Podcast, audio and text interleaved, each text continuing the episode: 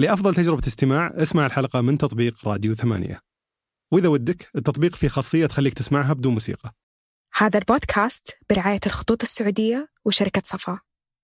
فجانا عرض جاهز آه، كان في عندنا عروض ثانية. كان عندنا عروض ثانية أعلى. من عرض آه، جاهز. كم. كانت الصفقات؟ تقدر تشاركها ولا؟ والله آه، هذه من المعلومات اللي ما نقدر نشاركها. أوكي. لأن ما أفصحوا ما أفصحوهم يعني طب أنا بقول أرقام وأغمز. إذا. إيه. اكتشفنا أنه اتصلوا عليهم وقع معي حصري وبعطيك 200 ألف ريال. أوف. اي كانوا يعطون عروض خرافية. قال لي عبد الرحمن نحش قال هذول عندهم ميزانية ضخمة. عندهم 15 مليون يصرفونه في ال marketing. أنا بالنسبة لي 15 مليون رقم مرعب. بياكلون الأخضر واليابس والله ما أنساها. قال قال ترى بياكلون الأخضر واليابس. أنحش نحش قفل قفل ولا شوف لك صرفة. أنا كنت مصمم إني أدخل موسم الرياض. وأعرف إن المنافسة فيه صعبة جدا. وأعرف إنه بيطلبون مبلغ عالي. يمكن أنا ما أقدر على المبلغ هذا. إيش سويت؟ قلت ما لي إلا أكلم مين؟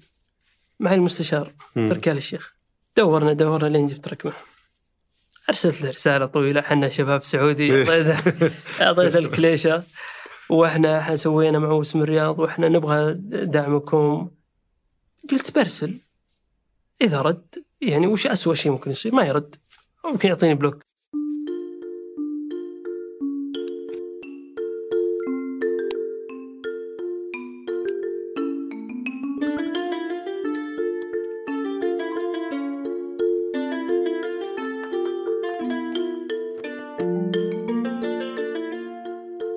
يلا حيهم ضيفنا اليوم عبد الرحمن الشبنات مؤسس تطبيق ذا شيفس اللي أتوقع حتى اللي ما يعرفهم صار يعرفهم مؤخرا بعد محاولة استحواذ جاهز عليهم. بسولف مع ضيفنا اولا عن قصة التطبيق بما إنه قليل اللي يعرفون سالفته وما تكلم عنه عبد الرحمن كثير سابقا. نتكلم عن كيف بدأ كتطبيق يخدم الأسر المنتجة إلى ما وصل لشكله الحالي.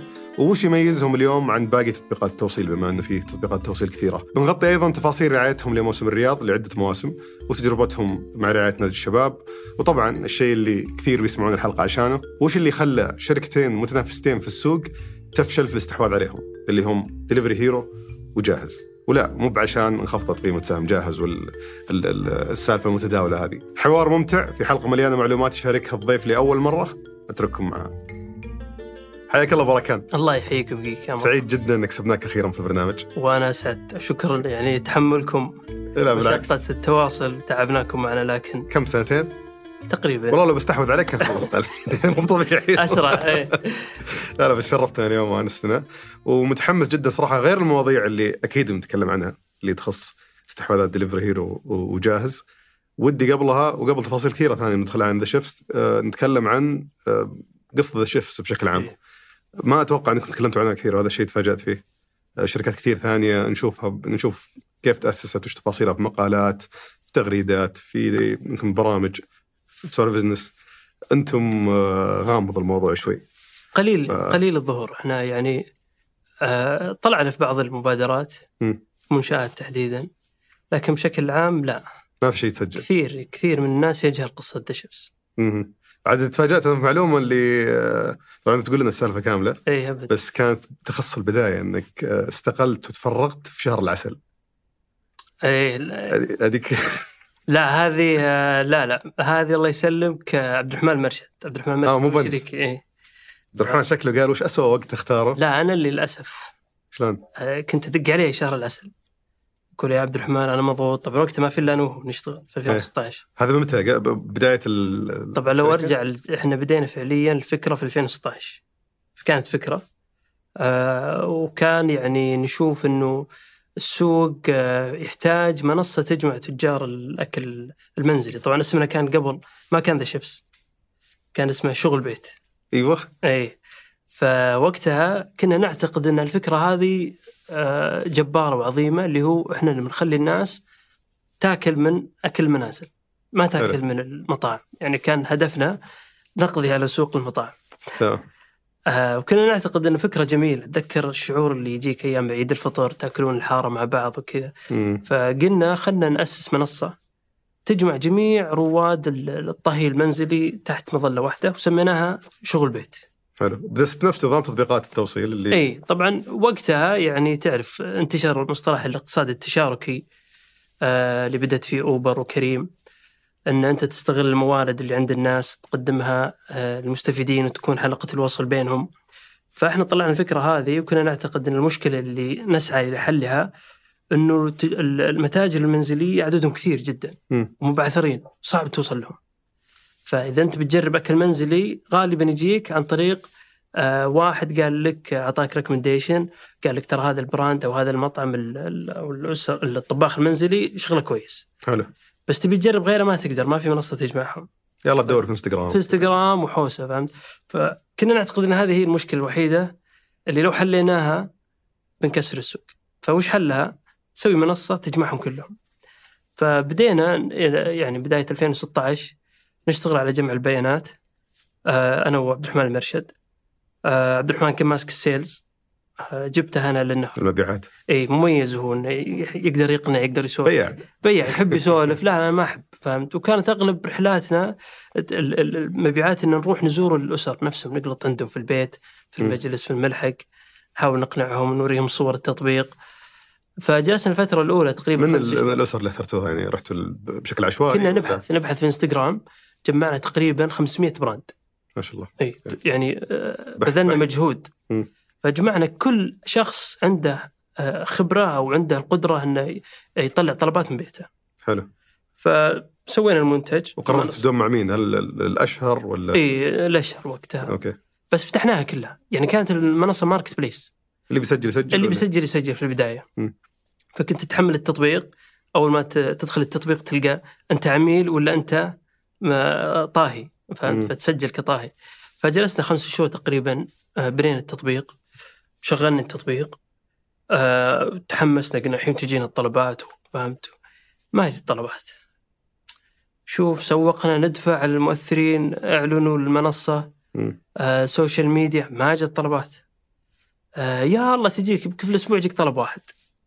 وإذا جاك الطلب هذا تقعد أنت تشتغل عليه يوم كامل فهمت؟ لأنه يطلب من البدايه إحنا مشتغلين على خدمة الجدولة تقدر تطلب آه قبل الوقت التوصيل بفترة معينة. حلو. وكنا إحنا ما نقوم بدور التوصيل إحنا فقط ناخذ الطلب نعطيه المتجر المنزلي هو خلاص يتولى الطلب. أوكي وتأخذ النسبة. ناخذ النسبة ما كنا ناخذ نسبة ناخذ مبلغ بسيط. يعني حتى كنا ناخذ تقريبا ريالين وشوي. يعني لدرجة إن كنا نروح نجلس مع بعض الأسر يقول لا نقص خفض أقول يلا ريالين. وربع فهمت ريال لا فحتى اقتصاديا ما كنا دارسين. يعني الريالين ذي ما راح تعيشك. أصلا السوق نفسه سوق الأسرة المنتجه سوق صغير جدا. فبدينا نشتغل بدأت الطلبات تجي كانت متعبة لأن كل طلب يجيك لازم تروح تدق على ال- ال- الطباخ أم فلان جهز الطلب ترى جاك طلب إحنا اللي نقبله. بعدين العميل يدق علينا وصار على الطلب طلب طلع ما ندري. مم. مندوب مو بتبعنا وما في ربط ولا في تتبع. حلو.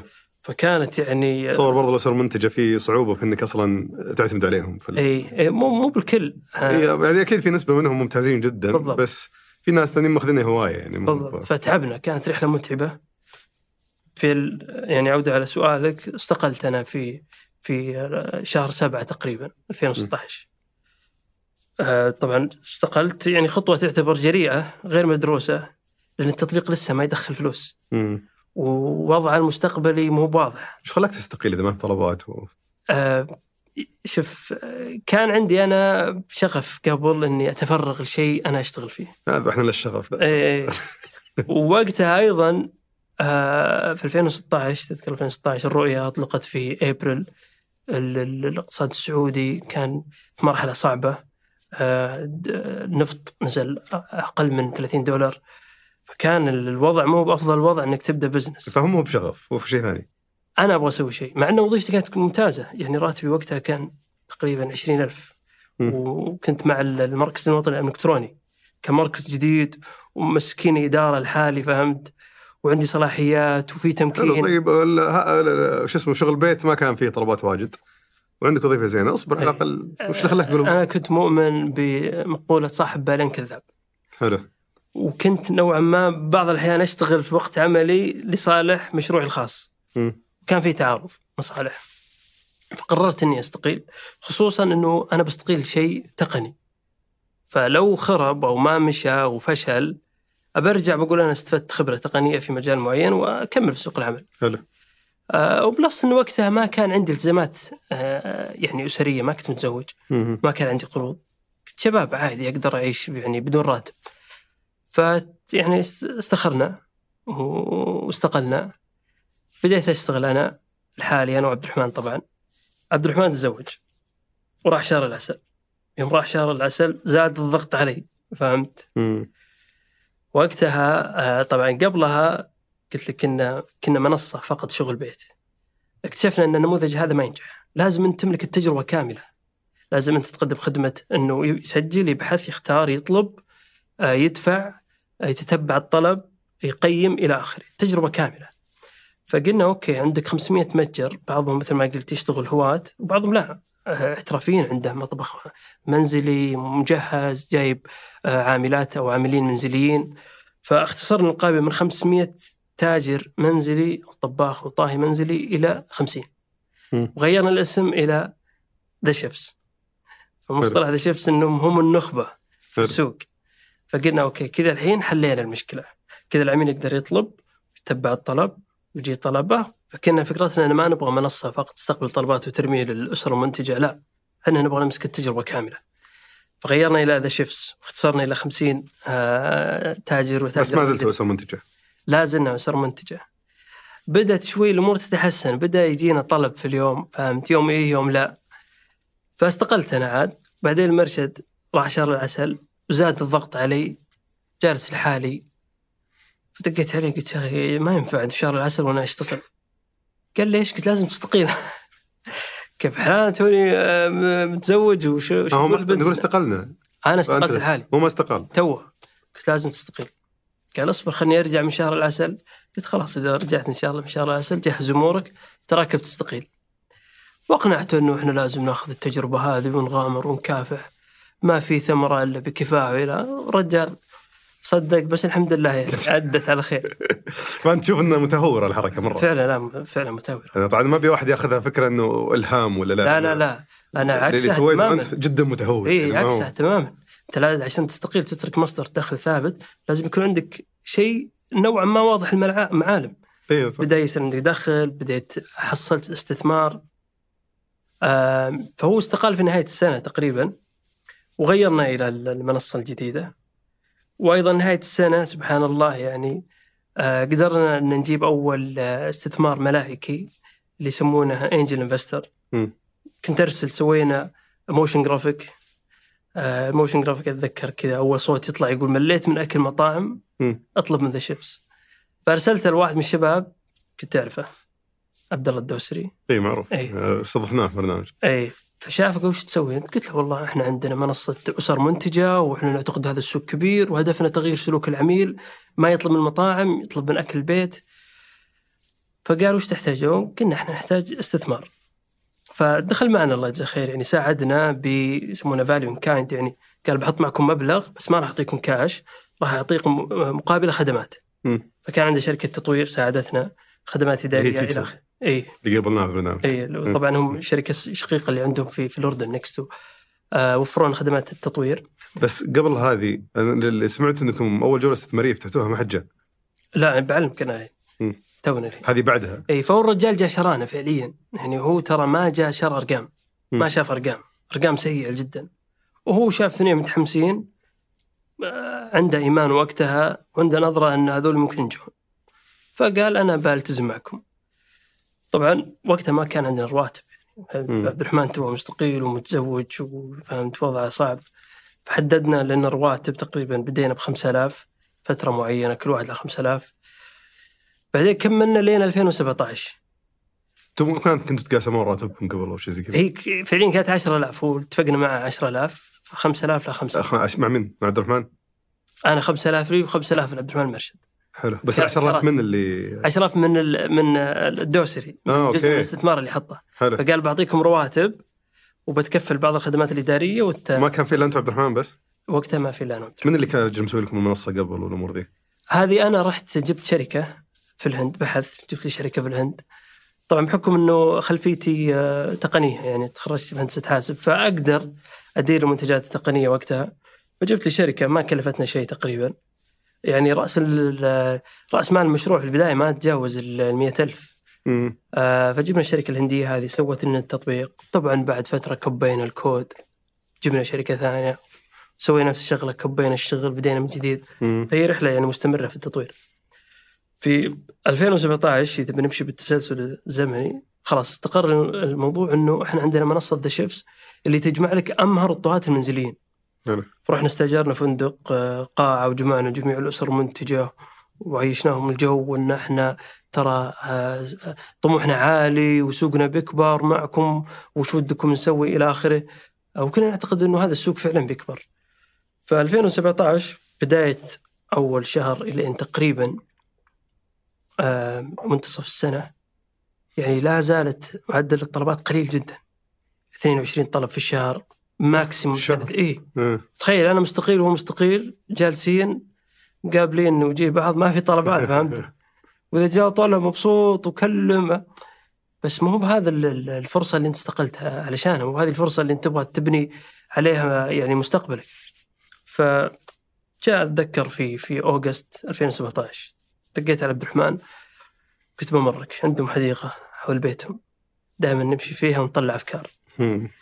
فهو ما كان يدري إيش السالفه قلت عبد الرحمن ترى وضعنا غلط. أنا وياك تحمسنا تركنا وظائفنا سوينا شيء غلط. السوق هذا ما راح ينجح. السوق قليل و standard في السوق صعب. يعني مثلا أنا أتذكر وقتها ناس يعني يبغون يدعموني يدقون علي يقول نبي نطلب أنا عندي مناسبة بطلب من تطبيقك. وش تنصحنا؟ ما كنت أقدر أجاوب. ما كنت أقدر أنصحه بتاجر منزلي لأن وقتها كان أغلب اللي شغالين معنا ما عندهم standard آه، أو مستوى ثابت في الأكل. مم. فهمت؟ يعني يعني- قصدك أنت الوجبة اليوم غير عن وجبة بكرة؟ اي شوف في الأكل قطاع الأكل لازم يكون عندك مستوى ثابت. أكلك سيء كمل أنت سيء. بتلقى ناس يحبون أكلك فهمت؟ فتلقى ناس يحبون بعض تعودنا على شيء واحد لا تخ- اي لا تغير فهمت؟ فهذه المشكلة واجهتنا. حاولنا نحل المشكلة قلنا بعضهم تعال انت brand ك أم فهد. ما ينفع brand اسمه أم فهد. سوينا اسم جديد. وحطينا لها شعار وحطينا لها صحون جديدة و packaging. ما مشى الموضوع. يجيها طلبات والله أنا آه، مسافرة فهمت؟ ولا مثلا آه، عندي عزيمة ولا نحن مسافرين ولا أبونا عيا ولا فهمت؟ إيه. فشفنا القطاع هذا ما راح ينجح فدقيت على عبد الرحمن قلت له عبد الرحمن ترى إحنا جالسين نسوي شيء غلط. يا نستقيل يا نخلي عفوا نوقف الشركة ونرجع وظائفنا ولا نغير التوجه تماما. قال يعني صعب كان في شعور صعب مرير إنك ترجع لوظيفتك. يعني كأنه شعور الاعتراف بالهزيمة. مم.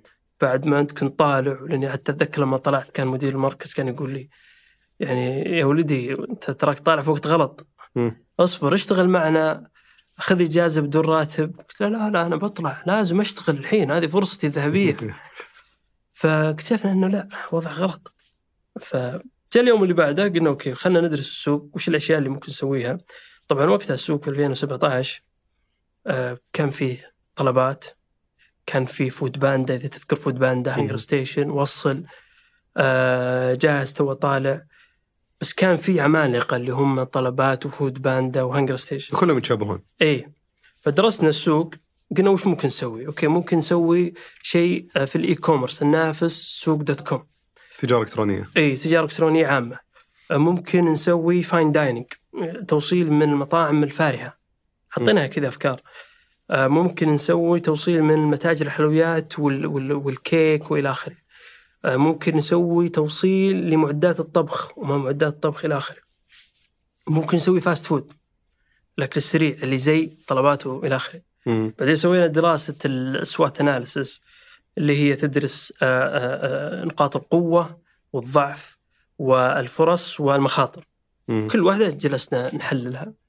فاكتشفنا أن ال fast food وقتها كان نوعا ما متشعب. وما نقدر ندخل على سوق شركات مليارية تدعمهم وكل شركة أكبر من الثاني وإحنا شباب تونا مستقلين رواتبنا 5000 ما عندنا فلوس حتى. علامات تجارية كبيرة هم عندهم اليد العليا التفاوض. ويضغطون عليك أكثر. فقلنا لا شطب على ال fast food. طيب ال fine dining أو الأكل ال- ال- ال- الفاره المطاعم ال- آه، طبعا في السوق إحنا نقسمه إلى ال fine dining عندنا upper casual fast casual fast food. fast food اللي هم يسمونه quick service restaurant اللي هي سريعة التحضير. هذه وجبات سريعة. سريعة مرة. اللي فوقها كاجوال يعني أكلة برجر بس عنده جلسات ومرتب فهمت مم. آه ثم عاد ال fine dining المطاعم الفارهه اللي أكثر من كورس الأكل تطلع والفاتورة 500 ريال فاهم؟ فقلنا نبي نركز على هذولي. كشفت حرب غزة حاجتنا لخدمة إخبارية موثوقة خصوصا مع انتشار الشائعات والأخبار المزيفة. فصحيفة الشرق الأوسط تقدم عبر منصاتها تغطيات حية لكل جديد وتحليلات عميقة وآراء متخصصة. عشان تعرف آخر الأخبار من مصدر موثوق تابع الشرق الأوسط صحيفة العرب الأولى. طبعا قبل أن نتخذ القرار سوينا شيء جميل. طبعا إحنا قبلها آه، كنا نقرأ إنه أنت لازم تختبر السوق قبل ما تسوي أي تغير أو تحور يسمونه البيفت لازم تختبر السوق تسأل مين تسأل العملاء لأنهم في النهاية هم اللي له- لهم اليد العليا. حلو. مو برأيي أو رايك فهمت؟ فذكر لما حطينا المطاعم الفارهة كنت أقول من آه، يعني العميل المنطقي اللي طبعا منطقي كلمة جميلة اللي بيطلب من مطعم زي مثلا نزومي. دليفري. أنت بتروح لا لازم تعيش تجربة. لازم تعيش تجربة وتوص... تصور وتعلم الناس اللي حولك إنك رحت وصرت من الطبقة. أصلا جزء من ت- اللي يبرر لك قيمه الفاتوره إنك رحت وعشت الجو. فعلا اي بتلقاك أسبوع كامل تسولف فيها فهمت؟ طبعا أقيس على آه، يعني مستواي و- و- وطبقة اللي كنت أعيش فيها. وهذا شيء غلط.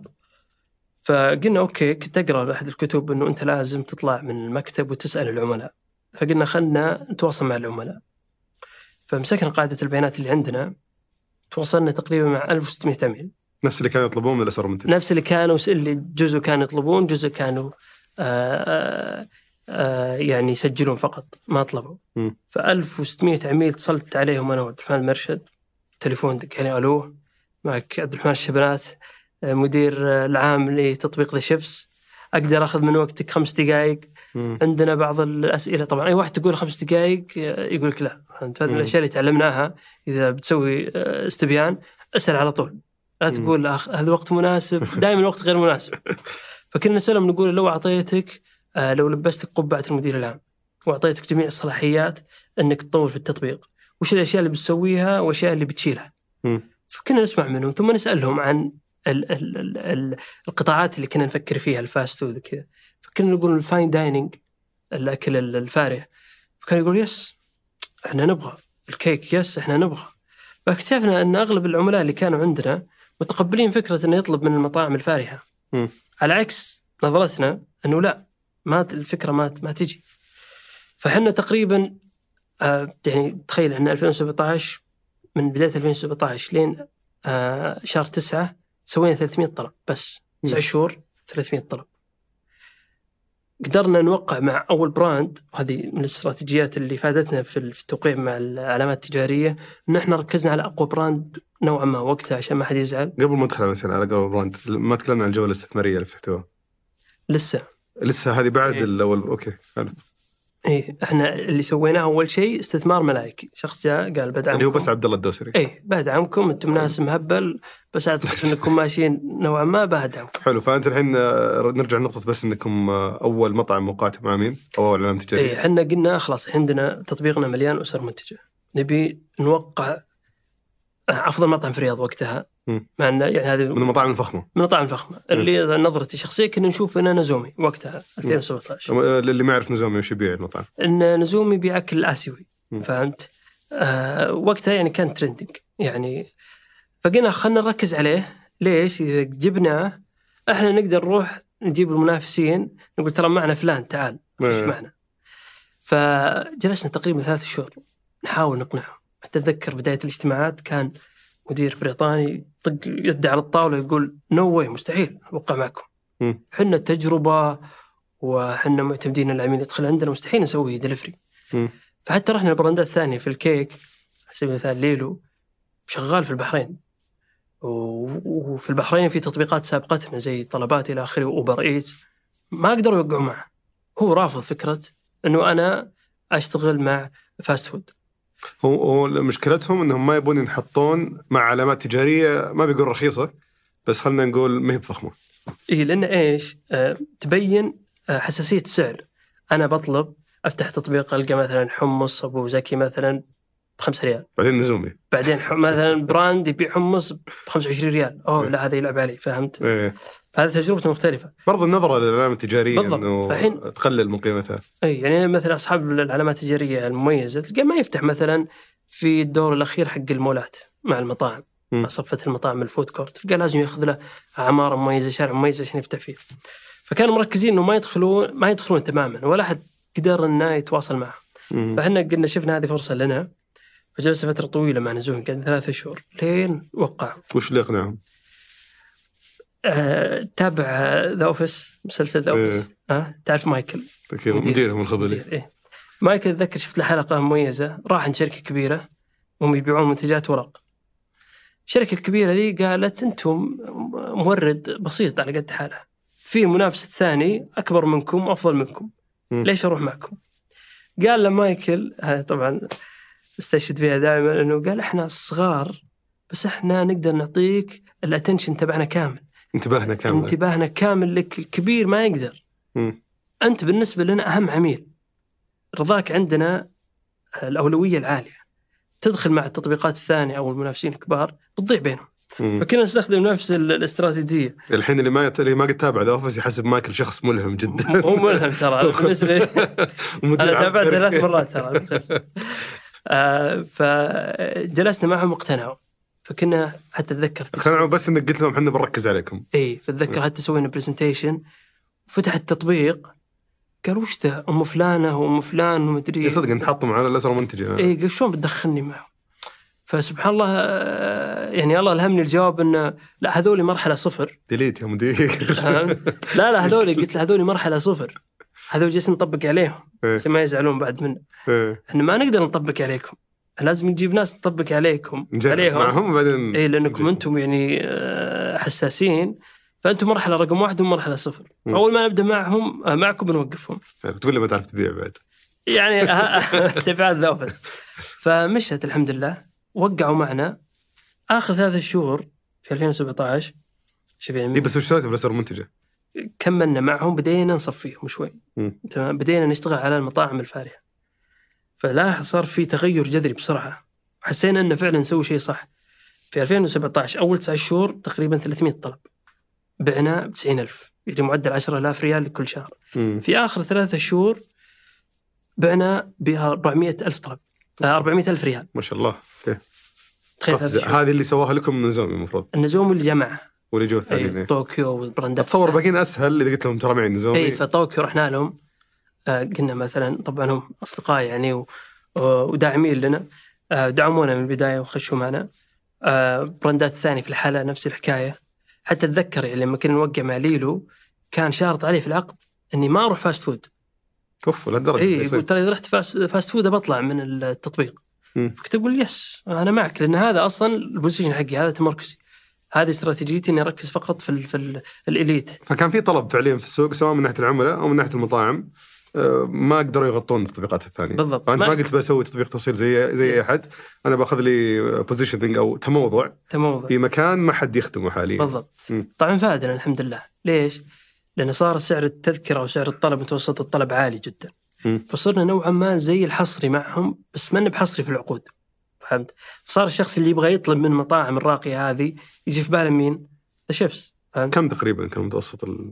الطلبات؟ إيه، لأن أعرف أنا حقين ال fast food اي لا وقت ظاهر 50 60 لا ريال إحنا بالضبط. وقتها كنا نوصل إلى 300 ريال أوف متوسط الطلب آه، طلبات عندنا تتجاوز ال 5000 6000 ريال فأنا طلب واحد يساوي ست طلبات من المنافسين فطلب واحد يحتاج مندوب واحد مم. احتاج ست مناديب أنا أحتاج موظف عدد موظفين أقل في ال operation لإدارة الطلبات ويحتاج أكثر. إلى آخره أنا عندي وقت إني أقدر أبدع وأبتكر خدمات إضافية فعشان كذا إحنا ترى في 2017 طلعنا خدمة ال pick up الاستلام مم. تقدر أنت تطلب وتستلم بس وقفناها على طول اكتشفنا فيها تلاعب لأن ما كان عندنا. وتقدر برضه تقدم خدمة مخصصة أنا خبر في مطاعم فخمة كانوا يبون من تطبيقات التوصيل إنه مثلا يرسلون لهم مناديب لابسين لبس مثلا معين بالضبط. ولا هذا الشيء طبعا ما يقدرون عليه التطبيقات العادية اي فإحنا قد وقتها سويتوها؟ إي نعم إحنا كان عندنا يعني كنا حريصين جدا على المناديب كان العدد قليل.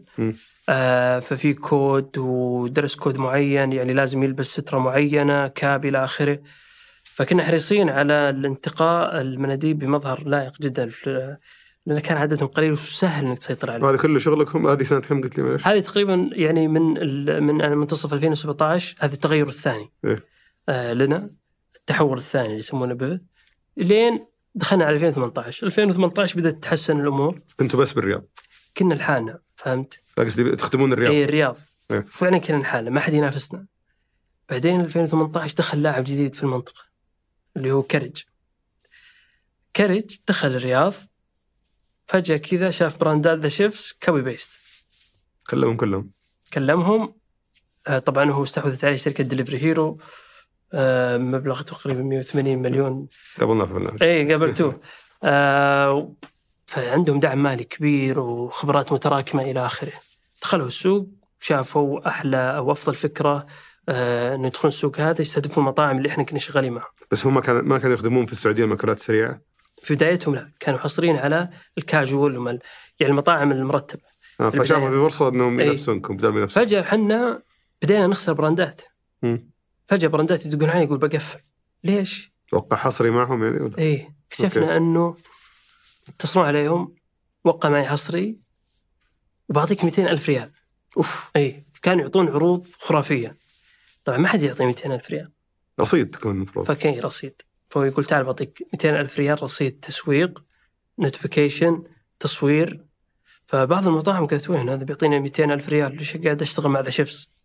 فبدينا نخسر. فحسينا يعني بال, بال يعني أزمة قوية تهدد وجودنا إن في منافس أكبر منك فحتى أتذكر جلست مع ما أدري إذا بيزعلني أقول اسمه ولا لا طبعا هو نحط طوط لو ها خط إيه.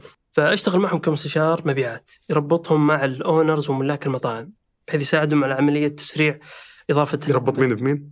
يربط كرج يعني هو يجي الكرج يقول تعالوا أنا أعرفكم على البراندات هذه أنا أعرفهم بحكم علاقة سابقة إلى آخره بحكم. تخصصه في القطاع. هذا شيء يعني آه، من حقه يعني. فجلست معه آه، قال لي عبد الرحمن أنحش. قابلته في كافي قال لي عبد الرحمن أنحش. قال هذول عندهم ميزانية ضخمة. عندهم 15 مليون يصرفونه في ال marketing. كارج كرج. مم. تعال بالنسبة لي 15 مليون رقم مرعب. بياكلون الأخضر واليابس والله ما أنساها. قال قال ترى بياكلون الأخضر واليابس. انحش انحش قفل قفل ولا شوف لك صرفة. ففعلا خفنا. أن الآن دخل علينا واحد ينافسنا. ذيك الفترة حاولنا أن نجيب مستثمرين. كنا نحتاج إحنا موارد مالية أعلى أن نصرف ونتوسع. للأسف كانت جميع محاولاتنا يعني فاشلة. مم. قابلنا أغلب الصناديق في 2018 كلهم يقول لا أنت يا أخي سوق آه، ريد أوشن المحيط ال- الأحمر السوق مليان لاعبين مليان ما- مليان ما أقدر أستثمر فيه ولا نك ولا نعتقد انه في فرصة. آه كملنا آه نمونا كان ممتاز بس ما كان أفضل. آه بدأ شوي المطاعم يستوعبون إنه ترى ما راح يعطيك 200 ألف ريال كاش.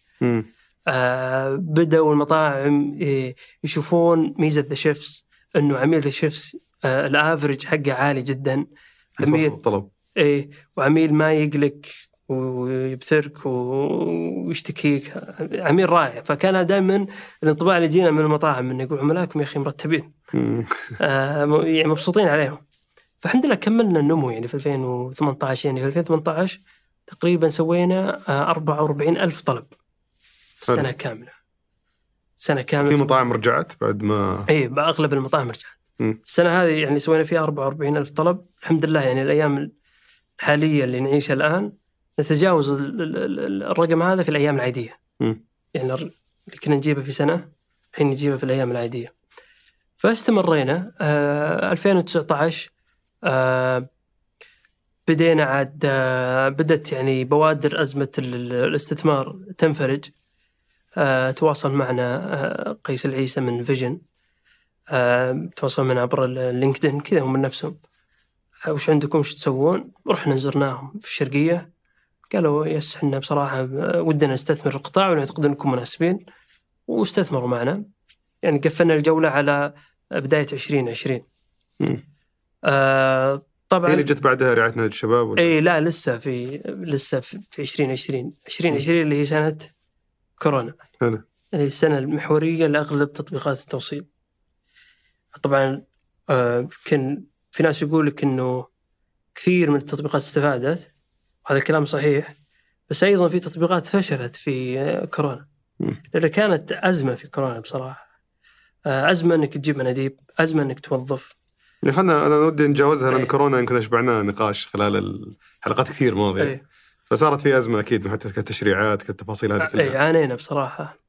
بس بعد ما تجاوزتوا حتى توسعنا للمدن ترى كنا وقتها أغلبها في الرياض.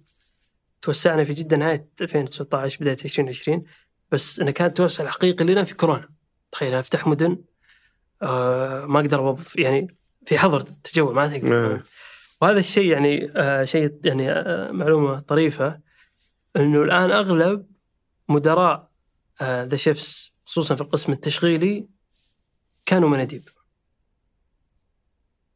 كانوا مناديب يشتغلون معنا لأن خلال السنة هذه كان توظيف صعب مم. فكان أسرع طريقة إنك توظف تشوف من المندوب اللي فاهم شغلك وفاهم السوق وعنده تعامل كويس مع المطاعم آه وإنسان لبق فكنا يعني نفلترهم المناديب اللي عندنا ونسحبهم نسوي interview تعال أنت امسك خدمة العملاء أنت امسك خدمة دعم وضبط الموضوع إيه. كل الآن ما شاء الله جميع ال- القيادات في في ذا شيفس كانوا مناديب okay وهذا يعني بصراحة شيء نفخر فيه. إحنا كلنا يعني طبعا انت لازم تعيش تجربة يعني. آه، وصلنا طلبات. يعني أتذكر عبد الرحمن أنا وياه دائما فجأة كذا أدخل مطعم أقابله. فهمت؟ إيش جابك؟ والله وصل الطلب.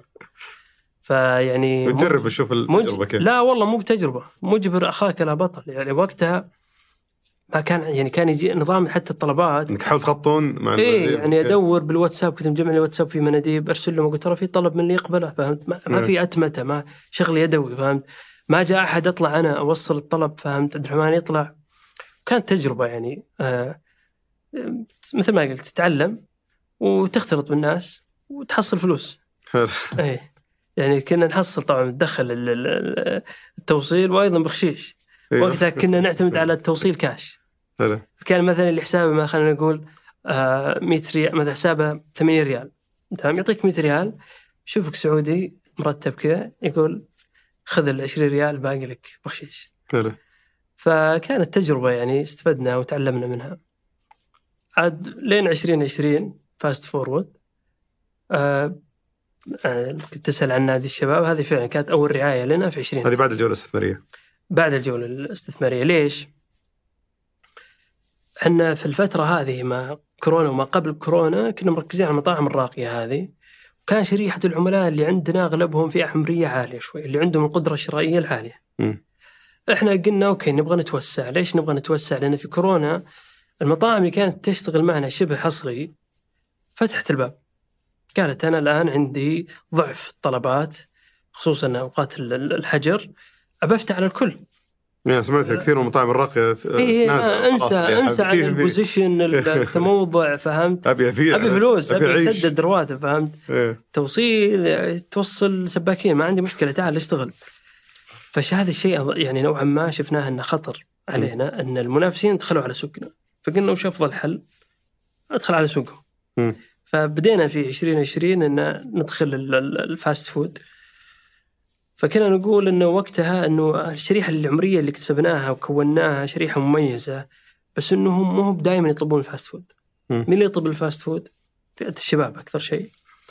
فقلنا خلنا ندخل آه، قطاع الرياضي لأن القطاع الرياضي هو أفضل قطاع تقدر أنت تتواصل معه مع فئة الشباب. فاخترنا عاد نادي الشباب نادي الشباب وافقت. أيوه كانت تجربة مميزة بصراحة. آه يعني اشتغلنا معهم سنة سنة تعاقدية. حقق الشباب المركز الثاني ترى كان كان بيصير الأول. مم. بس انهزم قدام الهلال. الحمد لله. لا لا طرد. كان في طرد بنيقه ب... ب... والله طرد طرد ظالم. طبعا إحنا كلنا نشجع الشباب فاهم؟ إيه. لا شبابيين أنتم تشجعون. لا لا يعني وقتها. لا وقتها okay عشان لا عشان الشغل اي لا أنا لا ما أشجع. يعني أشجع أشجع الهلال بصراحة. بس آه، كنت أشجع يعني كنت أشجع الشباب ضد الهلال. فهمت؟ هذا قاعد يشيل ال brand تبعي فهمت؟ واستفدنا بصراحة. دخلنا على محيط جديد فئة جديدة اللي هم الشباب. أنا آه ما راح أعلق على الشباب. إيه. التجربة ما يمزح معهم أبد. هذا الشيء إيه. اكتشفته مؤخرا في تويتر. ما يمزح معهم أبد. جمهور متحمس مرة مع مع نادي جمهور الشباب تفاعله قوي في ال social media. واعتقد إنه استلهم تفاعله وطاقته من من رئيسهم آه خالد البلطان. آه يعني يمكن نشطح شوي. ترى اللي سواه خصوصا في السنة هذيك شيء آه ثورة في عالم الاستثمار إنه آه أول الأندية يجيب لها راعي راعيين وبس من ال brand ات الكبيرة يجيب شركات طيران إلى آخره اس تي سي لا هو سوى نقلة بصراحة نوعية. إنه بدل ما أنا أجيب brand ين وعلامتين تجارية أفتح الباب لل brand ات المحلية اللي بيصير فيها تفاعل. هذه كانت جدا مميزة. واستضفنا عامر الغفيري اللي هو صح كان عامر هو كان. مدير استضفناه وتكلم كان فعلا تجربة جدا مميزة. حتى في شركات كثير كانت أول تجربة لها أصلا انها. ترعى نادي. ف وانديه كثيرة قلدت النموذج هذا. إيه. أنا محمد آل جابر. وأنا هادي فقيهي. وهذا جديد ثمانية بودكاست جادي. كل أسبوع بنجلس نتناقش حول مواضيع اقتصادية واجتماعية ونتناولها من زوايا مختلفة. ونعرض فيها سياق جديد للأحداث والظواهر الاجتماعية. اشترك في بودكاست جادي من خلال الرابط في وصف الحلقة. الجماليات المعمارية مهمة بس جودة البناء أهم وحداثة التصاميم مهمة لكن الخدمات والمرافق أهم. المهم والأهم مضمون. تملك المستقبل مع وحدات شركة صفاء للاستثمار. أعرف أكثر من الرابط في وصف الحلقة. نمو تجارتك يعتمد على مواكبتها لأدوات السوق اللي تتطور كل يوم خصوصا في الإدارة المالية. شركة نامي توفر لك أجهزة نقاط بيع توصلك خلال 24 ساعة وتسهل عليك إدارة مدفوعاتك والفوترة الإلكترونية وغيرها. حقق نموك المالي مع شركة نامي. المزيد في وصف الحلقة. يعني 2020 كانت مليئة بصراحة بالأحداث. وشهدت نمو بالنسبة لنا. كانت صعبة بصراحة. ونمو ممتاز. في في في, نهاية أيضا 2020 سوينا شيء جديد. ما كنا بصراحة مخططين له. اللي هو reservation حجوزات تخدمه الحجوزات. مم. في نهاية السنة 2020 أطلقوا فعالية اويسس إذا تذكرها. حقت موسم الرياض. اي اويسس يتبع آه، فعالية مصاحبه لموسم الرياض اللي هي اللي ما يعرف أخذوا مكان في الثمامة رتبوا وجابوا مطاعم كذا فخمة. آه واحتاجوا منصة تدير الحجوزات آه، وتذاكر الدخول. فكلموا أكثر من منصة وكلمونا ما أدري ليش يعني يمكن يعني واحد أعتقد إن عندنا reservation بس ما عندنا reservation فدق علينا قال عندكم reservation لأن هذول يبحثون عن مزودين خدمة. قلنا إيه عندنا. تبي عندنا reservation قال تعال سوي presentation بكرة. الان أنت كان عندك نظام حجوزات؟ ما كان عندنا ولا كنا مخططين تماما. حلو. قال تعال سوي بكرة presentation أيوه. سوي demo ورنا كيف ال- اعرض لنا النظام حقك اعرضنا اللي ما هو موجود أساسا. قلت طيب ما ينفع؟ نجي قال لا لا. قلت اسمع أنا عندي الفريق التقني برا السعودية على بال ما أجيب وتاشيرات وكذا. أحتاج عطني أسبوع. فوافق. أعطانا أسبوع. خلال الأسبوع هذا على طول أنا أول ما قفلت من ناصر رحت كلمت. الفريق التقني. CTO كان آه، وقتها معنا رمزي القريني تو داخل. فقلت له رمزي لازم هذا الشيء يطلع. كان مستحيل إحنا قلت أبغى أول شيء صور. حط لي شاشات. تضغط يفتح بس فعليا ما تسوي شيء. مربوطة. نموذج أولي كذا. نموذج أولي مو مربوطة بالشبكة ولا. فرحنا جل- جلسنا معهم وريناهم وانبسطوا أخذنا منهم feedback أعطيناهم انطباع إنه إحنا ترى جديدين بس مركزين؟ نعطيكم كامل انتباهنا. اي نعطيكم كامل انتباه. plus إحنا نسوي لكم اللي تبون. مم. إحنا مو عندنا solution ماخذين لا إحنا نطور ال solution اللي يتناسب مع احتياجاتكم. فكان عندهم احتياجات غريبة. مو غريبة يعني مميزة بس يعني مختلفة عن السوق السعودي عن السوق الخارجي. طريقة الحجوزات تنظيم لأن إحنا مو فقط قدرنا إنك تحجز طاولة لا حتى وانت داخل يستقبلك ال security يتأكد إن حجك صحيح. طب إذا ما في نت طالعين في البر كيف ي check. آه، جو خمسة وجو واحد والحجز خمسة كيف يدخلون آه فهم كانوا يبون ال- ال- تجربة كاملة. تجربة كاملة تجربة. لأنظمتها اللي. تجيك الدخول حجز الطاولات كل شيء أوف والله أنت. قاده كذا سوينا. تخيل مشروع فعليا ياخذ مفروض أشهر بالسنوات سويناه في 20 يوم بعد ما اتفقنا معهم على الشاشات وجلسنا أنا نماطل اقنعت فريقك انه والله بحب الخشوم صراحة مم. طبعا جيتهم أول شيء بال overtime بعطيكم زيادة إيه خارج دوام بس خارج دوام بشتغل اقتنعوا شوي بعدين قالوا يا أخي إحنا عندنا حياتنا إيه. وما نبي فلوسك فهمت؟ إيه. فتجيهم بالطيب تكفون هذا مستقبلنا تكفون؟ فما قصر ال team صراحة ال team التقني. آه، سوينا المنتج. آه، وفادنا أصلا بعد ال... كان بينطلق الموسم متأخر شوي أعطانا وقت. آه، بدينا والتجربة كانت ناجحة. في 2021 بدايتها. ثم عاد دخلنا عاد على موسم الرياض. لأن اويسس كان مختلف عن موسم الرياض. دخلنا عاد موسم الرياض نهاية السنة. اللي تطور فيها نظامنا صار معقد أكثر خدمات كثيرة. بس ما مرت مشاكل مع موسم الرياض؟ مشاكل. تو كنت تو بسم الله مسوي النظام اي ما قد اشتغلت. قبل كذا ما عندك أي إيه. خبرة في الموضوع. فما ما مريت بمشاكل بالبدايات معهم؟ تصير بعض المشاكل لكن إذا أنت الشخص اللي جالس تطور آه، نظام وفريق عندك والفريق يعني ما اثني على الفريق بس كفاءتهم عالية عالية جدا. فأي مشكلة نقدر نحلها بسرعة. مم. فهذا الشيء خلاهم يرتاحوا لنا.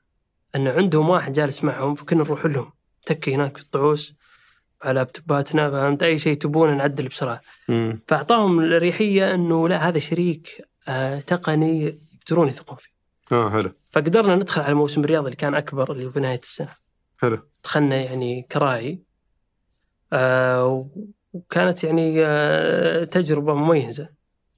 كان. بالنسبة لنا تطبيق آه يدخل موسم الرياض و وموسم كبير وفعاليات تطبيق جديد يدخل أعطانا آه دفعة يعني كبيرة جدا. وكملتوا كم سنة مع الموسم؟ يعني ما كملنا إيه، كراعي إيه. كراعي مع العلم إنه ترى ما هي يعني سهلة إنك تدخل كراعي أنت دخلت راعي دافع فلوس ولا؟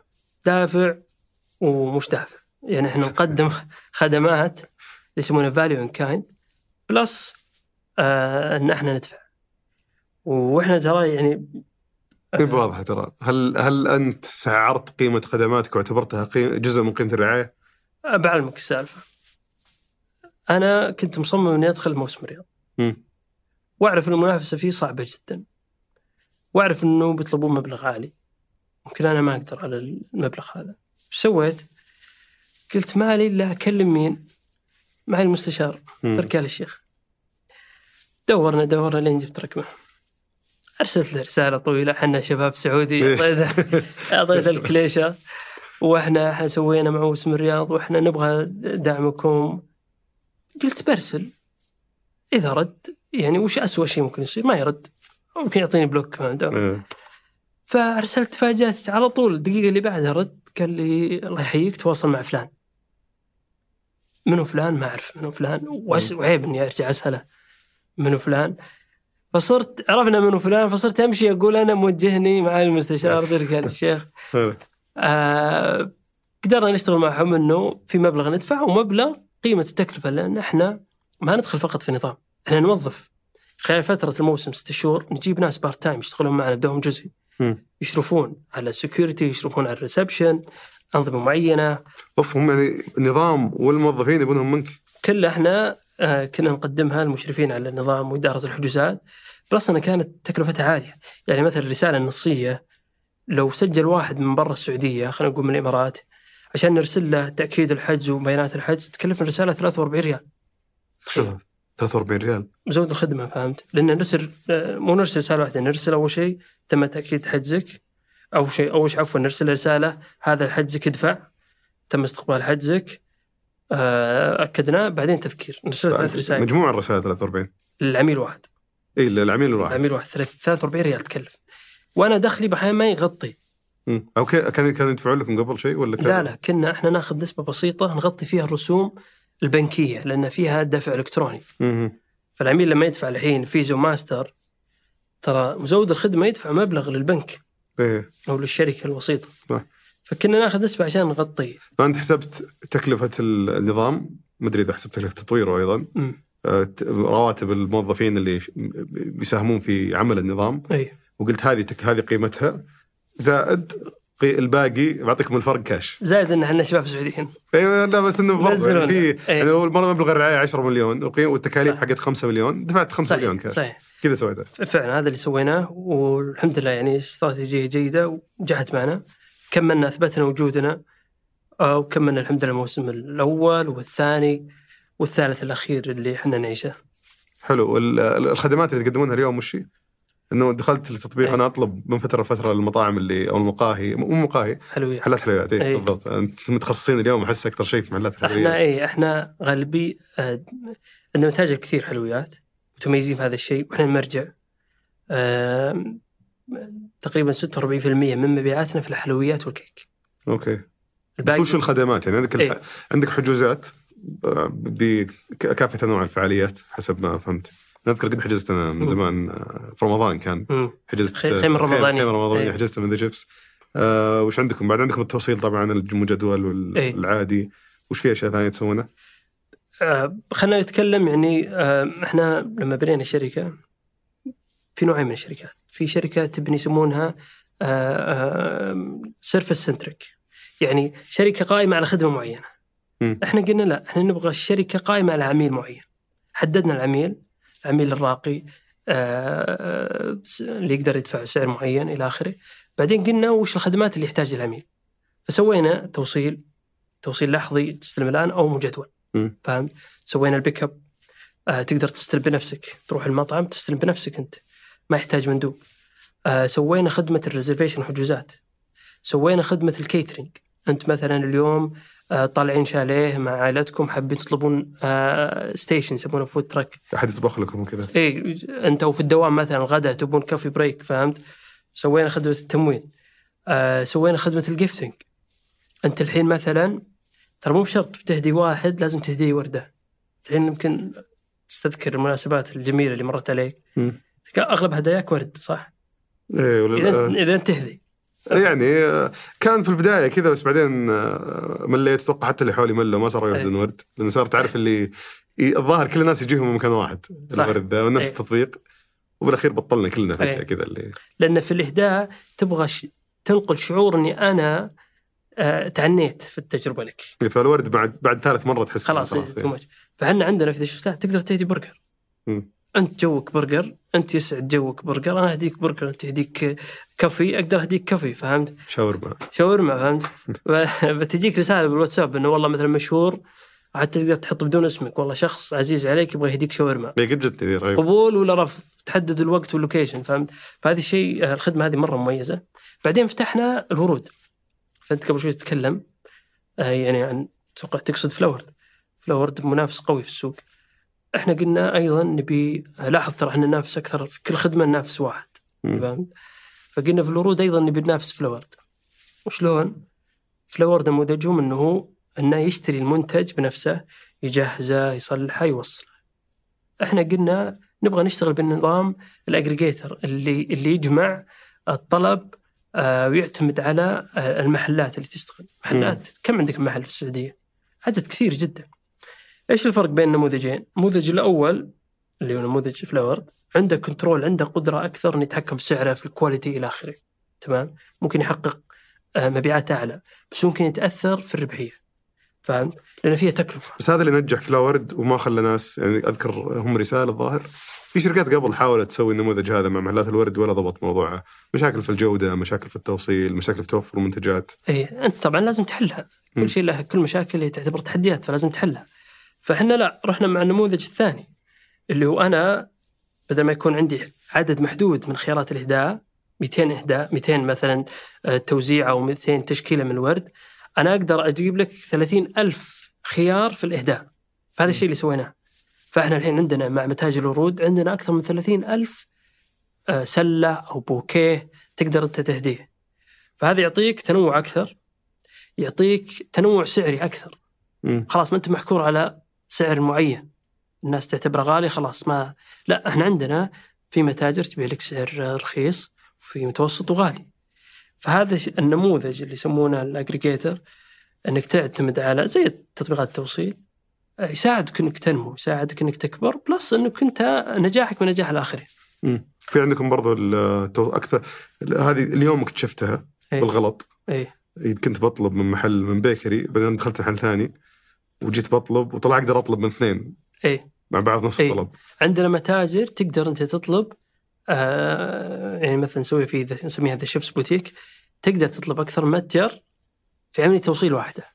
هل المتاجر هذه لازم يكونوا متعاقدين معكم بش- إيه. بطريقة معينة؟ لها علاقة في الموضوع هذا؟ اي إحنا نسوي بطريقة معينة بطريقة هل هو تقنيه مثلاً، معينة. آه، مطبخ سحابي؟ و... غالبا غالبا مطابخ سحابية. فمو أي مطعم. اي إحنا اي مو أي مطعم، طبعا إحنا عندنا مصطلح اللي يسمونه ال dark stores المتاجر السحابية. عكس المطابخ. مم. إحنا من أوائل الناس اللي دخلوا في المجال هذا من 2020 عندنا الحمد لله أكثر من كم 16 متجر سحابي توزع في أنحاء وش المملكة. فرق المتجر السحابي عن المطبخ إيه. السحابي؟ مثلا خلينا نقول أنت brand في الشرقيه عندك حلا معين تبغى تنقل الرياض إحنا نجي نشحن لك نستلم من عندك في الدمام مثلا بسيارات مبردة نشحنها عندنا آه، في الرياض نوزعها في نقاط البيع اللي في الرياض نشحنها لجدة عندنا نقاط في جدة نشحنها إلى القصيم نشحنها إلى الجنوب خميس وجازان. فتقدر تنتشر في أسبوع واحد فهمت؟ إحنا نمسك اللوجيستيك كامل فنعطيك نقاط توزيع أكثر فتصير موجود أكثر. فالعميل إذا فتح تطبيقك. أو فتح تطبيقنا يقدر يشوف brand ك فهمت؟ قريب فرق لما يكون brand. فعليا هي تخزين. تخزين. وتوزيع. تخزين نسميها fulfillment بس center ما في مطابخ سحابية بعد؟ لا ما دخلنا في المجال هذا حتى. إحنا مركزين ليش؟ لأن قوتنا فعليا آه غالبية ال brand ات اللي إحنا نبيعهم في الحلويات إحنا رقم واحد بالنسبة لهم. مم. فإحنا أي أثر نسويه بيصير في عائد قوي لهم. فركزنا في هذه الفكرة. سمعت انكم برضو ما تقفلون حدود التوصيل. إيه. يعني أقدر أطلب من أخر لو إني في النسيم أطلب صح. من نرجس. صحيح. هذه شلون ت- صحيح؟ لأن إحنا نموذج عليك بشكل كبير تقدر اي اي شوف إحنا ما نقفلها. العميل يقدر يبغى خدمة. آه وقابل بالسعر التوصيل وعارف المسافة بعيدة ويبغى المنتج هذا يطلب. إحنا كنا نوصل الخرج من الدمام كنا فاتحين. نوصل مثلا نهاية العماريه طيب والمندوب الضعيف؟ ي- يستلم. يستلم سعر التوصيل. على فكرة ترى إحنا ما ناخذ شيء من سعر التوصيل. يعني الفلوس اللي تجينا. نعطيها المندوب كامل بل بالعكس إحنا من أكثر التطبيقات اللي تعطي bonuses bonus ات فوق المندوب اللي فوق البيعه فهمت؟ و ن double ونعطي ونسحب جوائز سيارات وجوالات إلى آخره. الفترة الأخيرة سحبنا على عدد معين من السيارات أعطيناها مناديب. آه فإحنا حريصين إن العلاقة تكون يسمونها وين وين وين. أذكر مرة قد سولفنا عن سالفة ال- المندوب إذا صارت له مشكلة أو تأخر أكثر من لازم في مطعم تعوضون نعوض المندوب إحنا. فهمت؟ وش وش فكرتها ذي معلش اشرحها شوف المندوب بشر أنا كنت مندوب؟ يعني أنا كنت أطلع أوصل. تجربة تراها ليست سهلة.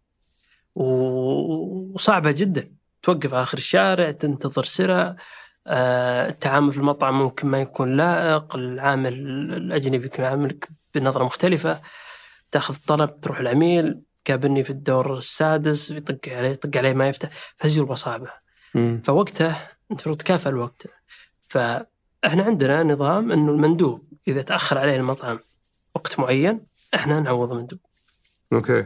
فما عنده مشكلة. ما عنده المندوب يقضي وقت لأن ساعه في مطعم معين. ما يقول ليتني راح بس إحنا ما نحطها لا إحنا ما نحطها كذا عشان مو بيقعد يتكي في المطعم فاهم؟ أيوه إحنا ضابطينها بطريقة إنه الأفضل لك إنك تطلع توصل. فهمت؟ لكن بق... بعد وقت معين ترى أنت بتعطى حقك.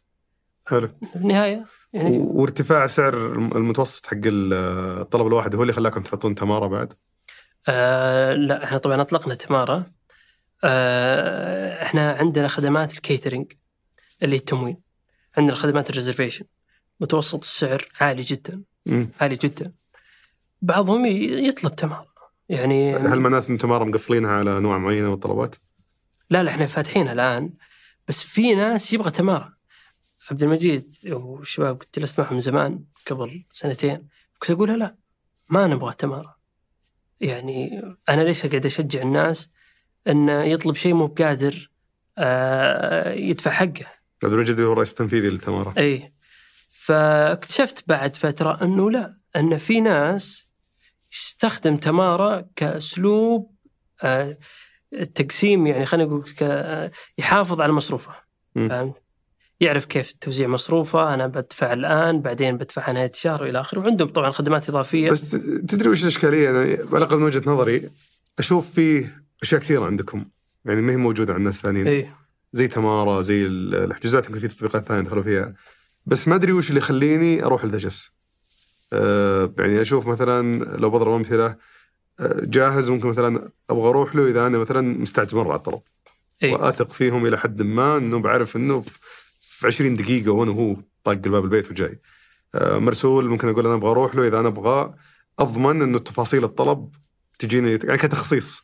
إذا في تجربة تخصيص أكثر صح أضمن إنها تكون أو إني أبغى أطلب شيء خارج. اللي مو موجود آه هانجر ستيشن ما أدري أروح شو هانجر نفس. آه خلينا نقول. آه لا ما ما عندهم اسرع شيء تجربتي ما هي أسرع شيء بس إنه خلينا نقول آه أبي توصيل مجاني مثلا أو أو خيارات أكثر أو ايا كان وش يجيبني إذا شفت؟ شوف آه في كل قيمة تقدر أنت تشاركها مع منافسينك وتنافس فيها المنافسين، يعني مثلا أسرع شيء أغلب التطبيقات يقول لك أنا اوصل في 30 دقيقة صح مم. ولا لا؟ الثاني شو يقول؟ يقول أنا اوصل في 29 دقيقة بعدين يجي هذا يقول اوصل في 28 ف قيمة غير قابلة للمنافسة فهمت؟ إنه أسرع شيء. الصدق ترى كل التطبيقات سريعة اليوم إي فهمت؟ يعني ما في ما تقدر تقول أنا أسرع شيء طيب هذا يمكن نسبقك بدقيقة طيب بكرة مم. أنت بتروح تح... إلى متى أسرع شيء فهمت فإحنا لا ما ركزنا ان إحنا نقدم الخدمة بالوقت اللي اختاره العميل. فإذا اخترت أنت عندنا خدمة أسرع شيء أو اللحظي يعطيك الوقت المتوقع. وتقدر تخلي جدوله. إحنا هدفنا أن نوصل الطلب على متط- متطلبات العميل. وهو يبغاها جدولة بعد أسبوع وهو يبغى المندوب يكلمه قبل استلام الطلب. يعني إحنا عندنا خاصية انه المندوب يكلم قبل استلام الطلب. تمام؟ كثير من الناس كان يدق علي يقول يا أخي هذه الخاصية مزعجة. شيلوها. فعلا. طبعا أنا عرفت. أغلب الشباب ما يحبون الخاصيات أمس كنا نحشيها بالاستراحه إي. بينما في ناس كثير تسالهم وإحنا نسوي استبيان إنه يحبون الخاصيه هذه خصوصا فئة الإناث. خليتوه اختياري شفت خليناه اختياري إيه. فهمت؟ في خصوصا البنات إنه لازم يدق عليه يتأكد الكيكه مكتوب ورني صورت فهمت. فهذه إحنا آه، مختلفين شوي عن الآخرين، تجربتنا ليست ان نركز ان دائما إحنا خدمتنا أو قيمتنا اللي نعد فيها العميل انه اسرع شيء، لا. إحنا قيمتنا إنه إحنا دائما في الوقت اللي اختاره العميل. بس وش وش تعتقد الشيء الواحد اللي يميزكم عن الباقيين؟ يعني لو تاخذ ميزة واحدة تميزكم عن كل الباقيين في السوق وش تتوقع تكون؟ والله شوف السوق هذا مثل ما قلت لك يعني لما قصة كرج دخلوا علينا كرج آه وقالوا عندهم فلوس وإحنا ترى دخلنا برأس مال متواضع جدا. مم. جلسنا آه ننافس شركات مليارية وشركات دخلت برأس مال تتجاوز ال 100 مليون وعندها دعم لا محدود. طيب إحنا شلون ننافسهم؟ إحنا كان عندنا اعتقاد من اليوم الأول وهذا الشيء اللي جالسين يعني نسعى له يوميا ونؤمن إنه ما راح نوصل 100% اللي هي خدمة العملاء. العميل نفسه، إحنا دائما حتى الشباب كنا في اجتماع قالوا جملة حولها ال operation قالوا جملة مميزة بصراحة اللي هي قالوا إحنا العميل فرد من أسرة ذا شيفس وذا شيفس فرد من أسرة العميل. مم. فاهم؟ إحنا الشيء اللي نراهن عليه العميل. العميل ما يهمه انت تطبيقك تبع فلان ولا تبع شركة فلانية ولا عندك مبلغ كذا. بس عمليا وش يترجم هالشيء؟ وش؟ يترجم الخدمة، انت الآن لما أنا أدخل التطبيق أرتاح في التجربة. يعني كنت شفت جربت أنا نحاول نغير. أنا في ناس يقلدون الواجهة. فالتجربات الجديدة أنه لا مثلا معتمدين على التقييمات. التطبيقات الثانية ما يحب التقييمات والتعليقات. أنها تكون في الأطباق. أنا كثير من الشباب كانوا يقول لي لا أو المطاعم حتى يقول شيل التعليقات بالنسبة لي لا شيء جوهري أنا شخصيا لما أروح اسير على الشباب ولا بأخذ لي حلا مثلا ترى دائما أطلب من براندات ما أعرفها تماما بس أعتمد على تقييمات العملاء.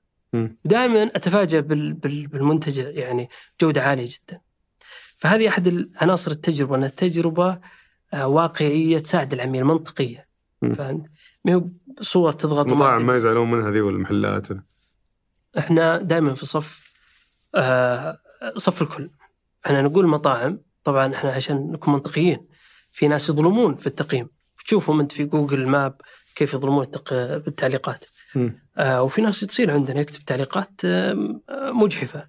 فإحنا عندنا أيضا خاصية إن نقول ال brand وإحنا بشكل عام نتابع التعليقات هذه.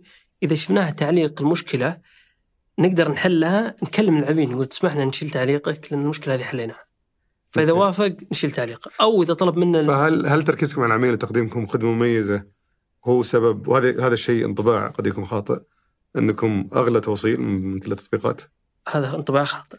okay. إحنا التوصيل يبدأ من 14 ريال. تمام؟ بس الحين كلهم مباشرين يتوجهون على خمسة سبعة مجاني. إي إحنا عندنا. مجاني كثير. إحنا أكثر منتج نسبة وتناسب لا والله بالعدد إحنا قسناها أكثر تطبيق في عدد brand ات توصل مجاني ليش؟ لأنه ال brand أيضا المطعم لما يدخل معك توصيل مجاني لازم يكون له عائد. تمام؟ انت ما ت- لأن أغلب التطبيقات والكل طبعا يستقطع نسبة من سعر التوصيل المجاني يحملها المطعم صح ولا لا؟ فالعلاقة هذه لازم تصير علاقة آه، مستدامة أنتم وش غير كذا ما راح تكمل وش تسوون؟ إحنا لا فعلا إحنا أقل واحد استقطع على أقل تطبيق استقطع على المتاجر. تمام؟ تمام؟ بشكل وأي- عام بغض النظر عن توصيل مجاني للتوصيل فئة التوصيل المجاني. يعني لو تدخل تشوف التوصيل المجاني ال 14 ريال جزء منه يتحمله ذا شيفس جزء يتحمله المطعم. حلو. تمام؟ plus إنه إحنا عندنا الميزة الأساسية انه متوسط سعر الطلبات عندنا أعلى. فالمطعم يحصل. بس الاستقطاع الأساسي للطلبات الاعتيادية هل أنتم أعلى ولا أقل من الباقيين؟ متوسط إحنا متوسط تقريبا لا يعني آه، متوسط كم تقريبا يعني؟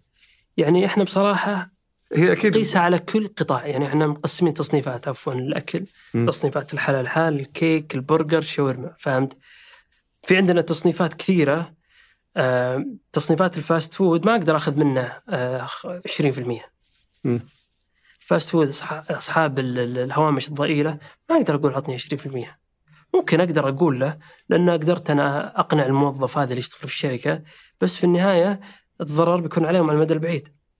فإحنا متوسط إذا جمعناها كلها واخذنا اللي يسمونه ال weighted average تقريبا حدود 13 مم. 13% هو المتوسط 13 ال weighted average بس طبعا النسبة هذه الحين بيجونا مطاعم اللي موقع معهم نسبة اعلى لا تختلف حسب القطاع حسب على حسب التصنيف. فعلا حسب لا يدق عليه يا جماعة. إيه. ال- الأكثر الطلب يجي على على وشه بالضبط؟ على حلويات؟ أنت قلت لي قبل شوي إيه، إحنا أكثر آه يعني النسبة طبعا جالسة تتقلص آه بس الغالبيه لا زال حلويات لأن أيضا آه طبيعة العملاء عندنا ترى مختلفة عن باقي التطبيقات. يمكن هذه معلومة غريبة. تقريبا 73% من عملائنا إناث. أوكي. أي. أنا عندكم طلب أنا على على التموضع حقكم قريب. مستغرب إنه عندكم آه، حسب ما سمعت طلبات كثيرة في جنوب الرياض بعد. إيه. فالصورة النمطية إنه ال- ال- الجنوب الرياضي ما يشوفون أسعار تطبيقات مبالغ فيها إيه، وما. يبغون يطلبون منها. لا لا بالعكس يعني ما يمكن صورة نمطية. أنا طبعا عشت وترعرعت يعني في السويدي وأعرف نمط الحياة. هناك الناس تحب اللمة أكثر. طبعا كل المناطق يعني آه، السعودية وفي الرياض أكثر آه، في الرياض بشكل عام.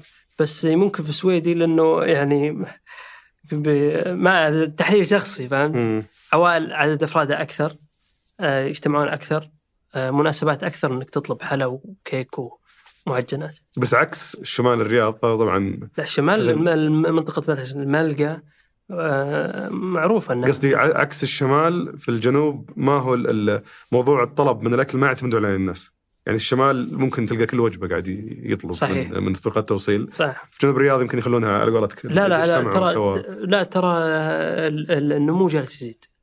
آه، لأن الفئة العمرية آه، جالسة يعني يمكن أنا وأنت ترى ثقافة الطلب أونلاين آه، طلعت يعني بدينا نستخدمها قبل كم خمس ست سنوات سبع سنوات بالكثير ثمان سنوات. الجيل الجديد من يوم صغير وهو يستخدم أونلاين يطلب أونلاين كل شيء. مم. فيطلب ملابس مستلزمات أكل كل حاجة. فأنا أعتقد إنه لا آه، القطاع جالس ينمو. ما تكلمنا على فكرة على عدد العملاء وعدد الطلبات والأرقام هذه. اي ف... تقدر تعطيني تقدير إذا ما تبي؟ اي لا لا عادي. إحنا عدد ال download عندنا تقريبا حدود الخمسة مليون. عدد ال register المسجلين حدود الأربعة مليون. آه، الطلبات الحمد لله يعني 2017 تقريبا آه، سوينا آه، 1000 و آه، 1300 طلب مم. بإجمالي 400 ألف. آه، السنة هذه الحمد لله آه، عدينا مبيعات آه، المليار آه، ريال سعودي. آه، أرقام من الآن يعني قبل نهاية السنة. آه، أرقامنا يعني الحمد لله في نمو مع العلم أن مرينا بتحديات صعبة جدا. خلال السنتين اللي راحت هل تقدر تتكلم عن متوسط عدد الطلبات اليوم؟ آه، يعني ما ماني متخيل الحين مكانكم وين في الترتيب. آه، لا تقيس بعدد الأرقام. بعدد الطلبات قصدك؟ آه، بعدد عفوا بعدد الطلبات. لأن إحنا متوسط السعر عندنا ضعفين من أقرب واحد لنا. أوكي. فالطلب اللي أسويه هو يسوي عندي اثنين. واللي بعده ثلاثة واللي بعده ما تحس يمكن هذا برضو موضوع ينتقدون عليه بعض الناس في حلقة جاهز. ما تحس إنه كل تطبيق حسب كلامي مع مختلف التطبيقات سواء في القطاع هذا أو إيه. قطاع ثاني يشوف الموضوع من زاوية ممكن تخليه هو الأول. لا لا من الأول حنا الأول واضح السوق. البيانات دليفري هانجر ستيشن شركة مملوكة من دليفري هيرو دليفري هيرو شركة آه، مطروحة في سوق ال- السوق الألماني وفي. دراسات كثيرة. جاهز مبيعاتهم أيضا. معروف هذول تقريبا باعوا السنة اللي راحت 7 مليار. هذول 5 مليار. حجم السوق تقريبا 14 مليار آه، 14 إلى 15 مليار. هانجر ستيشن تستحوذ على الغالبية حدود ال 45 يعني أتوقع هذا يعني أعتقد وهذا السبب يمكن ما ما ما جادلت فيها في حلقة. جاهز إنه هذا الشيء اللي يشوفونه عامة الناس سواء أرقام هذه أرقام فيها. أسواق المال المعروفه غير بالضبط. ال- آه، سواء يشوفه في نشرة الأصدار أو إنك تقول والله مثلا قدامنا الحين على نهاية السنة الارقام اللي تسمع فيها من الناس إي. يعني اللي يشتغلون في القطاع ذا. آه، بس إنه اللي, اللي اللي نعرفه عادة إنه هانجر ستيشن جاهز بس بعدين تصير منطقة ضبابيه اي ما ما يدرون الناس من ال... إحنا الافتراض إنه مرسول. اي مرسول. أنت هنا تجي تعالي مرسول. أنا بقيم مرسول بنموذج توصيل المطاعم بحسب إيراداته.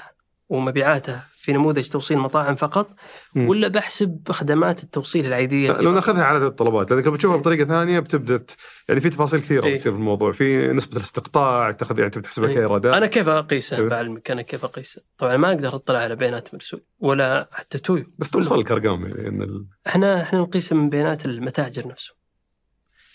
ناخذ كذا عينة استطلاعية تعال من الأول ثلاث يبيعون لك. حلو. إحنا دائما في الثلاثه الاوائل أوكي. غالبية ال brand يعني إحنا دائما نعتقد إن مركزنا حصتنا من 8 إلى 9% في السوق جالسة تنمو. آه، في 2019 حصتنا كانت آه، 0.9 يعني فاصلة تسعة ما وصلنا إلى واحد. فجالسين ننمو الحمد لله. آه، حصة جاهز 35% قلنا آه، على أي أساس؟ آه،. تقول حصتك 35% 35% وش المصدر؟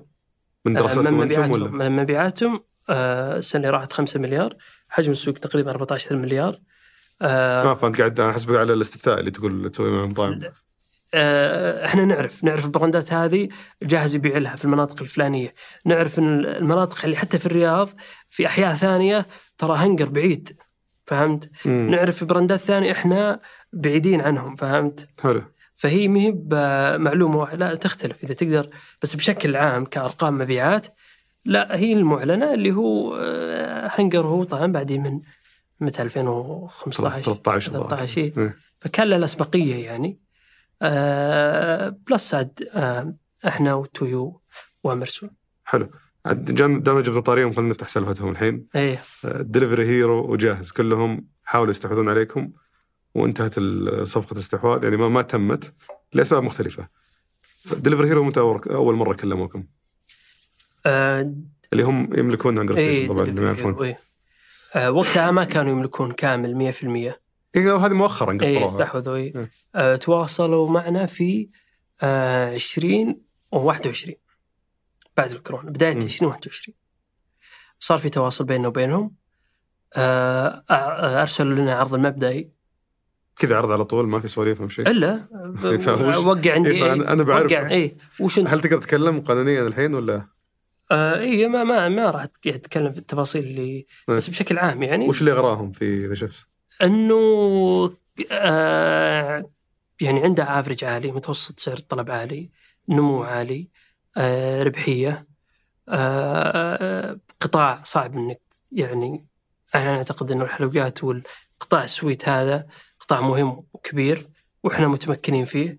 آه شافوا فرصة لهم إنهم يزيدون من حصتهم السوقية وفرصة لهم إنهم يأخذون player أو أو لاعب جديد. حتى كان الكلام يعني إنه إحنا نبي ناخذ نموذجكم نبي نطبقه على أكثر من دولة.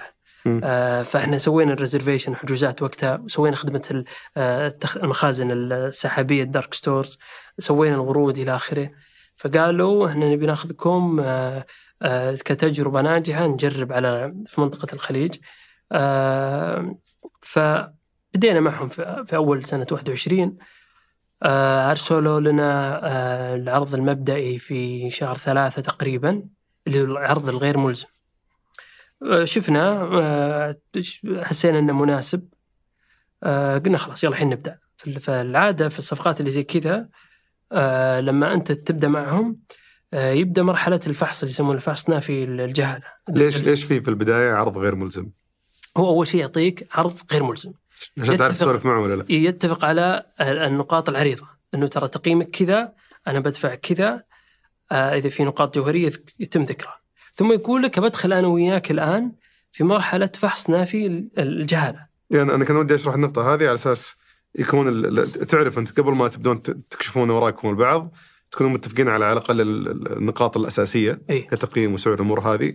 وبعدين تبدون عاد إذا حسيتوا في اتفاق مبدئي بالضبط. غير ملزم. صح. فتبدون تكشفون الأوراق وتعطون بالضبط. فنبدأ مرحله الفحص اللي نعطيهم كل شيء. فهم عاد يعينون من طرفهم مستشارين قانونيين مستشارين ماليين. هم فريق ضخم يعني. دليفري هيرو متمرسة على الاستحواذات. عندها 40 شركة أو أكثر من 40 شركة فوق تيم كبير. فبدينا اشتغلنا معهم سووا ال due diligence يجيبون طبعا شركات ال Big Four الشركات الكبيرة اللي تسوي عليك ال due diligence آه يسوون عليك فحص على مستوى القانوني على مستوى ال tax آه على. مستوى المالية. أو الضريبة وكذا. آه على ال- ال- التقنية. جابوا أيضا شركة ألمانية سوت لنا فحص آه سيبراني آه فحص تقني. موضوع كامل يعني. فعليهم تكلفة بعد آه وأيضا علينا إحنا تكلفة إن إحنا نلتزم معهم. وعلينا تكلفة الجهد والوقت وال- والتركيز اللي أنت تعطيه لهم وتكلفة الفرص البديلة أنك تركز معهم ما تركز في, في شيء ثاني لأنه أنا لما أبدأ أوقع معك بعد فترة الفحص النافي للجهالة تبدأ توقع يسمونها الاس بي اي اتفاقية الشراء مم. اللي خلاص هذه اتفاقية ملزمة يلا ترى الآن إحنا باقي شروط معينة إذا أتميناها يتم نقل الملكية. من ضمنها موافقة هيئة ال- آه، المنافسة. هم كانوا يبون يستحوذون بشكل كامل؟ كامل إيه، بشكل وأنتم ليش كنتوا تبيعون وقتها؟ آه والله سؤال مهم. آه وقتها بصراحة طالعين من أزمة كورونا. آه وقتها السوق ما كان واضح بالنسبة لنا. وكان في تخوف شخصي بالنسبة لي على مستوى أنه القطاع آه ممكن ينهار. لأنه كان في حديث كثير على سعودة توصيل ال- ال- الطلبات أو المناديب المناديب طيب في فرق بين السعودة والتوطين. السعودة نخدم سعوديين التوطين يحط نسب. مم. وكان في توجه واضح من الجهات المعنية أنه سعودة. أنا عارف الوضع أنا موصل طلبات مستحيل السعودي يعني قليل وليست يعني مهنة تترقى فيها فهمت وتبني فيها تفتح فيها بيت فهمت مم. ومهنة مؤقتة أنك رقيت؟ المناديب اللي عندكم إي بس بس يعني ما هي ما هي قصدك ما هي ما تصير مندوب كبير المناديب مثلا قصدي ما ما هي حتى تكسبك مهارات إيه. فيها مهارات طبعا يسمونها ممكن مهارات تواصل الأمور. هذه تجي بشكل طبيعي متعبة متعبة مم. توصل روايح و... زحمات شوارع. ترى تعب والله العظيم تعب. فأنا عارف الشيء هذا إني جربت وصلت مئات الطلبات. فهمت؟ عارف المشقة. فهمت؟ يا كم ساهر أخذت يا كم فهمت؟ تطلع ضايق صدرك تعبان. وعارف إنه إنه في خيارات بديلة أفضل. يعني مثلا أوبر وكريم أفضل للسعودي. صح. ليش؟ لأنه في سيارته كيف شغال؟ يوصل عند العميل. خمس دقائق إذا ما نزل أو ما وصل العميل وركب معي. العداد يبدأ يحسب عليه. مريح في سيارته هذه لا ولا يدور موقف ولا شيء ولا يقابل يتقابل عامل يعني جنسية معينة يعني آه، يغلط عليك في المطعم صارت لي يعني مواقف محرجة. آه وبلس إن سعرها قليل لأنه في نماذج ال- ال- ال- الاقتصاد التشاركي لقطاع توصيل المركبات دخلوا من رئيسي من سعر التوصيل. فهو أوبر وكريم مصلحته إنه يرفع سعر التوصيل. مم. فهمت؟ عشان هذا دخل الأساسي. إحنا لا ليس من مصلحتنا أن نرفع سعر دخلك التوصيل. الاساسي من إيه. الطلب نفسه فأنا نوعا ما جالس يعني أضغط على المندوب أصلا إني أوصل إلى السعر اللي آه، متعب بالنسبة له. فهمت بس ما لأني لو زدت سعر التوصيل العميل ما راح يطلب واذا ما طلب العميل أنت مندوب ما جاك رزقك فهمت. شلون؟ تمام فالشاهد إنه كنت بتوقف لأن كان في كان في كلام كلام على السعودي انه السعودي أذكر جت فترة تحمست بعض الجهات على تعبت. أنا بصراحة نفسيا إنه شيء بنيه حسيت إنه بنيناه وتعبنا فيه وطحنا فيه فهمت؟ ممكن يجي قرار زي كذا يقتل القطاع تماما. اقتصاد قطاع له أرقام كبيرة وأيضا يأثر على المطاعم يأثر على. بيكون له آثار اقتصادية سيئة كبيرة ما- جدا على على نمط الحياة إلى آخره جودة الحياة.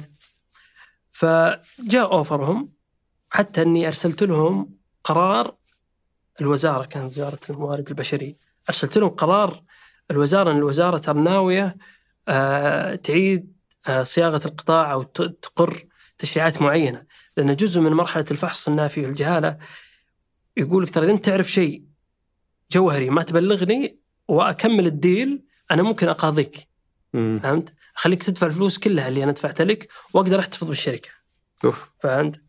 فكنا حريصين إن أي شيء نعرفه نبلغ حتى أرسلت لهم خطاب قلت ترى راحوا ترجموه ترى إذا في risk ومخاطرة أنتم تأخذونها مم. قالوا okay بناخذ المخاطرة هذه فبدينا معهم ووقعنا معهم الاتفاقية ال- ال- ال- الشراء آه وكان مشروطة بهيئة المنافسة بدينا نقدم أوراقنا لهيئة المنافسة طبعا المدة هذه كلها ما حد يدري. انه ما صار في إعلان من طرفهم آه فما حد يدري حتى الموظفين ما يدرون؟ وهو شايل هم إذا صار الخبر هل كيف أنقل الخبر للموظفين كيف بيتقبلونه. بشكل إيجابي ولا سلبي وش البيت اللي بتشتريه؟ تطلع تشيك تفتح عقار ولا حرام مقلق الموضوع صح؟ مقلق مقلق فعلا مقلق لأن أنا اوعدك بمبلغ معين كل يوم تفتح الاله الحاسبة فاهم تبني عليها خطط وكذا خطط. آه طبعا هذا شيء يعني تعلمته بصراحة انه أثر علي نفسيا في المرحلة في الصفقة الأولى خلاص أنا بعطيك مبلغ معين كنا ماشيين أمورنا تمام آه قدمنا على هيئه المنافسة قعدنا خمسة أشهر وش. قدمتوا على هيئه المنافسة؟ اللي هو يسمونه طلب عدم ممانعة تركز اقتصادي. هيئة المنافسة طبعا جهة حكومية هدفها أنها تحمي حق ال- المستهلك وتحمي القطاع بشكل عام. ما تبغى آه، منشأة معينة آه، تستحوذ على غالبية ال- ال- حصة السوق. إذا أنا إذا في حصرية مونوبولي على القطاع وش أسوي؟ أقدر أرفع الأسعار ما يكون عندي حافز إني أبتكر وأطور المنافسه تخدم العميل إيه. فالخدمة تصير سيئة. فتصير خدمة سيئة سعر عالي فهمت؟ فعشان كذا الهيئة هيئة المنافسة من آه، أنظمتها أو أهدافها أنها تضمن ان بيئه أو منافسة عادلة للمنشآت وجودة عالية للمستهلكين فقدمنا عليهم. طبعا بروسس طويل جدا. آه، وإجراءات ومتطلبات كثيرة. آه، بالنسبة لهم أيضا كان يعني كان وقتها آه، قطاع جديد. ما في مرجع رئيسي للقطاع أرقام القطاع. فطلبوا بدأوا يبنونها بعد كورونا أو خلال كورونا يعني. انطلاقا. فكان آه، يعني كانت مرحلة متعبة بصراحة كم كانت. الصفقات تقدر تشاركها ولا؟ والله آه هذه من المعلومات اللي ما نقدر نشاركها okay آه لأن ما أفصحوا ما أفصحوا هم. آه بس كانت بالنسبة لنا يعني طب أنا بقول ارقام وأغمز إذا. إيه بس تصور مبلغ يعني بيحسن جودة حياتك بشكل كبير بشكل كبير مرة إيه مم. بشكل كبير مرة plus أنا يعني آه كان عندهم حوافز كثيرة خلينا ناخذها بطريقة ثانية إيه. كم كان التقييم الشركة المنطقي بالنسبة لك في الفترة ذيك؟ شوف تقييم أي شركة فعليا ما في شيء اسمه منطقي يعني بس خلينا نقول إيه لأن أنا يقول لك دائما القرد في عينه ما غزال اي حلو بس بال- بالفترة هذيك كم إيه. كنت تشوف التقييم المنطقي للشركة من إلى؟ صح again بس عشان ما أستقطع المثل فانا فعلا أشوف The Chefz قيمته عالية مرة. إيه أكيد يمكن شفت قيمتها 4 مليار. اي فهمت. بس خلينا نقول بالفترة هذيك كم إيه. كنت تعتقد؟ تقول لو جاني واحد كلمني منه كان اي كنا كنا لا إحنا كنا ناخذ على اللي يسمونها ال multiple مم. المعدل. آه، اخذنا معدل كويس. اي فأنا ما أتكلم ترى عن إيه. Delivery Hero الحين. أنا أتكلم عشان. نطلع من الجانب القانوني. أنا أتكلم في هذيك السنة اي كم كان في بالك من إلى قيمة التقييم العادله لو في أحد بيستحوذ عليك؟ آه، تقريبا آه، يعني 300 مليون وقتها وقتها. هذا الحدود اللي تحس إي لأن يعني مبيعاتنا في 2020 اجين يعني نقطة مهمة. ترى حاجز الخوف آه، مؤثر في قرارات الإنسان. آه، في مبيعاتنا في آه، في 2020 آه، تقريبا آه، 150 مليون تقريبا أو أقل. إي 150 فأعطونا آه، رقم كويس. حلو. آه، يعني معدل كويس. بلس أنا كنت عايش ال ال ال الأرق هذا إنه خلاص في شهر كنت أنا عارف الشهر في شهر سبعة 2021 مع السلامة. فهمت؟ طيب فقدمت لهيئة المنافسة وش كانت التفاصيل يطلبونها منكم؟ طبعا يطلبون تفاصيل أعطونا اتفاقية طبعا آه، مبيعاتكم مبيعاتهم آه، المطاعم اللي شغالة معكم آه، ومع ال- المنافس اللي هو هنجر ستيشن كيف تسعرون كيف هم يسعرون كيف يسعرون التوصيل بيانات كاملة. فاتصور أخذت وقت طويل. أخذت وقت طويل. آه صار اللي صار فجأة تم الإعلان في نهاية السنة في ديسمبر. إحنا إحنا قف إحنا وقعنا معهم في July في شهر 7 2021 قدمنا فقعدنا خمسة شهور. آه، جت ال- القرار الرسمي من هيئة المنافسة إنه آه، تمنع هذا القرار إيه وترفض بس قبلها ما اعطاكم شروط عشان يتم؟ ألا يعطونك هم أنا متطلبات أذكر مثلا Uber وكريم إي. حاله مشابهة. إي. وأعطوهم شروط. إي. للتركز تم. الاقتصادي و... تمت إي. فهل جوكم قالوا ترى في شروط؟ بعدين قلتوا والله ما الشروط ما تنفع؟ هو عشان خلينا نتكلم بالأشياء المفصح عنها. إيه. اشياء ما يعني الاشياء المفصح عنها الاعلان اللي طلع. مم. اللي موجود الآن. انه بسبب ممانعة آه، الطرفين واحد الطرفين بتقديم عفوا ممانعة احد الطرفين بتقديم بيانات معينة. أوكي طبعا هم عندهم أيضا اشتراطات إني يطلب منك بيانات معينة ما رديت عليه خلال فترة زمنية معينة أنا يحق لي إني أتخذ القرار بناء على المعلومات المتوفرة عندي إني أقدر أحكم على ال- ال- الصفقة هذه بالقبول أو بالرفض. حلو بس كان طبيعي من طبيعة الحال عندك خبر قبل ما يطلع البيان لا. آه أنت معنا اكتشفت معنا إيه. انه أوكي يعني مو هم أعلمونا في نفس اليوم بعدين أعلنوا بكرة حلو فهمت؟ يعني مو كنا ندري قبلها عش... يعني فجأة اي ترى بيطلع الخبر اي قالوا خلاص ترى قررنا وش القرار كذا آه، الخبر بيطلع. وش ردة فعلك؟ آه والله آه، يعني الحمد لله هذه من الاشياء الدروس المستفادة اللي تعلمتها بدروس قاسيه يعني في في حكم أنت يعني تقراها في كتب فهمت وترددها وفي حكم هي اللي آه، ترغمك إنك في حكم بالوجه تجي بالعكس، فهمت؟ إنه لا تبني آمال كثير على المستقبل. فهمت؟ لا ترسم اشياء كثير المستقبل تحسك آه، وقتها كنت كأنك يعني وقتها تعتقد إنك تسوق آه، أو تقود مركب بيغرق يعني كأنك تشوف إنك خلاص أنا كل الحالتين كل الحالتين اخطيت مرتين أنا.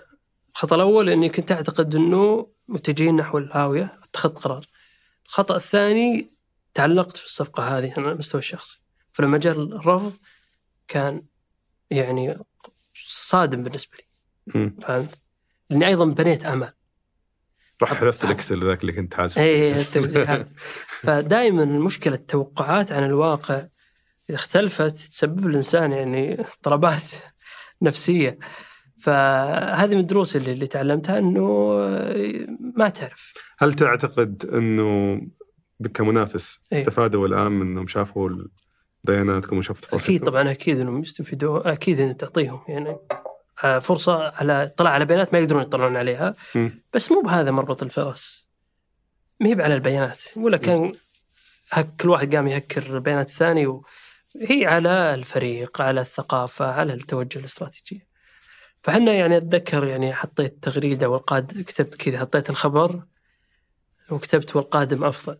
مم. فعلا كنت يعني أحاول أقنع نفسي أنه وعسى أن تكرهوا شيئا وهو خير لكم. وعسى أن تحبوا شيئا وهو شر لكم حلو فانتهت متى ال- ال- الموضوع الاستحواذ؟ متى إعلن؟ أنتهى في ديسمبر ديسمبر نهاية 21 جاهز متى كلموكم؟ بعدها طلع الخبر. آه، في الصحف العالمية طلع في بلومبرج طلع في آه، من من ديسمبر من يعني من ديسمبر January تواصلوا معنا أكثر من جهة آه، عفوا من من إيه من ديسمبر حتى March شهر ثلاثة يعني خلال أربع شهور من بداية سنة 22 تواصلوا معنا أكثر من جهة. مم. منافسين خارجيين عالميين صناديق آه، خاصة اللي يسمونها private equities صناديق استثمار جريء إلى آخره. زنتوا الحين إي فهمت طلع الخبر. عندك Delivery Hero فهمت؟ ف ففعلا عسى أن تكرهوا شيء وهو خير لكم. ففادنا هذا الشيء بطريقة غير مباشرة. فجتنا عروض كويسة اعلى من العرض اللي جانا. مم. بضعفين إلى ثلاث أضعاف. حلو. اللي اللي كنا موقعينه مع Delivery Hero فجتنا عروض كثيرة. آه بعدين جانا عرض جاهز في شهر ثلاثة أيضا سنة 22 سبحان الله نفس التوقيت. ذلك شهر هذا فجانا عرض جاهز آه، كان في عندنا عروض ثانية. كان عندنا عروض ثانية أعلى مم. من عرض آه، جاهز. طبعا عرض جاهز اللي هو كان 650 مليون آه، بلس 100 مليون لل- للمؤسسين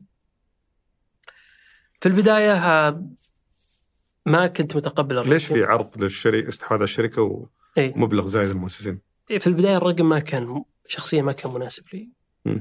آه آه، الشركاء كانوا متقبلين الرقم شوف المستثمرين الماليين يحط معك مبلغ خلينا نقول يحط مليون ريال. وصل مرحلة أنه حقق عائد عشرة مثلا حقق عشرة مليون يقتنع بعشرة مليون فهمت؟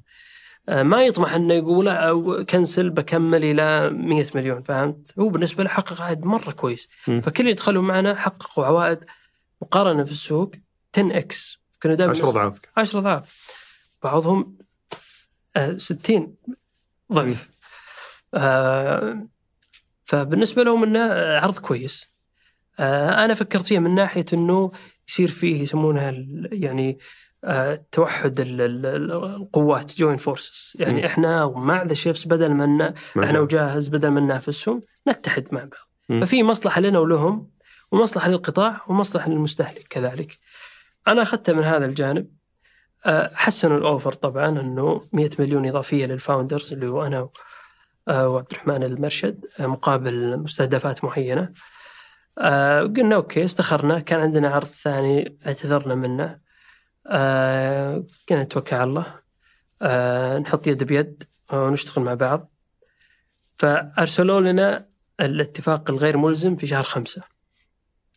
آه، تعرف نفس ال نفس delivery. إيه. الإجراء إيه. بعدين يبدون يسوون فحص النافي الجهاله يعينون مستشارين إحنا عينا مستشارين قانونيين آه، شركات آه، يعني عالمية آه، فعليها تكلفة علينا إحنا مم. يعني مو بنا يعطيني ورقة اوقع له يعني عشان يعرف المشاهد الصفقات هذه عادة اتفاقية الشراء تتكون من 150 ل 200 صفحة مم. جمل معقدة قانونيا فهمت؟ واضطر نتعاقد مع مكاتب أجنبية ساعتها ب 1000 دولار مثلا على سبيل المثال. مم. تكلفة كبيرة علينا. آه وجيب أيضا مستشار مالي كذلك. فهم أيضا عينوا مستشارين نفس الإجراءات. آم، تأخرنا آه، عشان ننجز الاتفاقية ال- ال- اتفاقية الاستحواذ. آه، قعدت معنا تقريبا يعني إحنا جلسنا معهم في شهر خمسة أو اتفاق المبدئي الخطوط العريضة. آه، أرسلوا أو وقعنا اتفقنا في شهر نوفمبر نهاية نوفمبر يعني كم؟ ستة ستة أشهر. تطولنا شوي. يعني الصفقة اللي قبل قعدنا ثلاثة أشهر هنا قعدنا ستة أشهر. فإحنا دخلنا أصلا الانطباع دخلنا الصفقة هذه بناء على انطباع اللي قبل. بناء على انطباع Delivery Hero إن ال timeline الجدول الزمني هذا هو. بس خبرة Delivery Hero لا تقارن بخبره جاهز يعني عنده خبرة عالمية في ال... أيضا هذه من الانطباعات هذه مشكلة. الإنسان انه دائما يحط انطباعات مخالفة للواقع فكان أيضا في وعود إن الموضوع بيكون سريع جدا مم. وقعنا الحمد لله في شهر آه، 11 وطبعا ال- ال- الاختلاف إن هنا شركة جاهز مطروحة سوق المال آه، فمجبورين إنهم يعلنون عن حدث جوهري. آه، فمن بداية السنة والناس عارفة فهمت ناس كثير كان يعتقد إنه الصفقه تمت فهمت. فايضا تعيش تحت ضغط ثاني فهمت؟ يباركوا لك. الله يبارك لك. و... ف ووقعنا الحمد لله في شهر 11 الآن نفس الاشتراطات لازم تتقدم على هيئة سوق الم... آه، هيئة المنافسة وهيئة سوق المال. هي سوق المال ليش؟ لأن جزء من الصفقة أسهم. كم كان جزء من الصفقة؟ 50 50 حلو. فهم آه، عشان آه، يصدرون أسهم لازم يعقدون جمعية العمومية الغير عادية هذه مسماها. وعشان يعقدونها لازم أيضا آه، يقدمون أوراق لهيئه سوق المال ويأخذون موافقتها.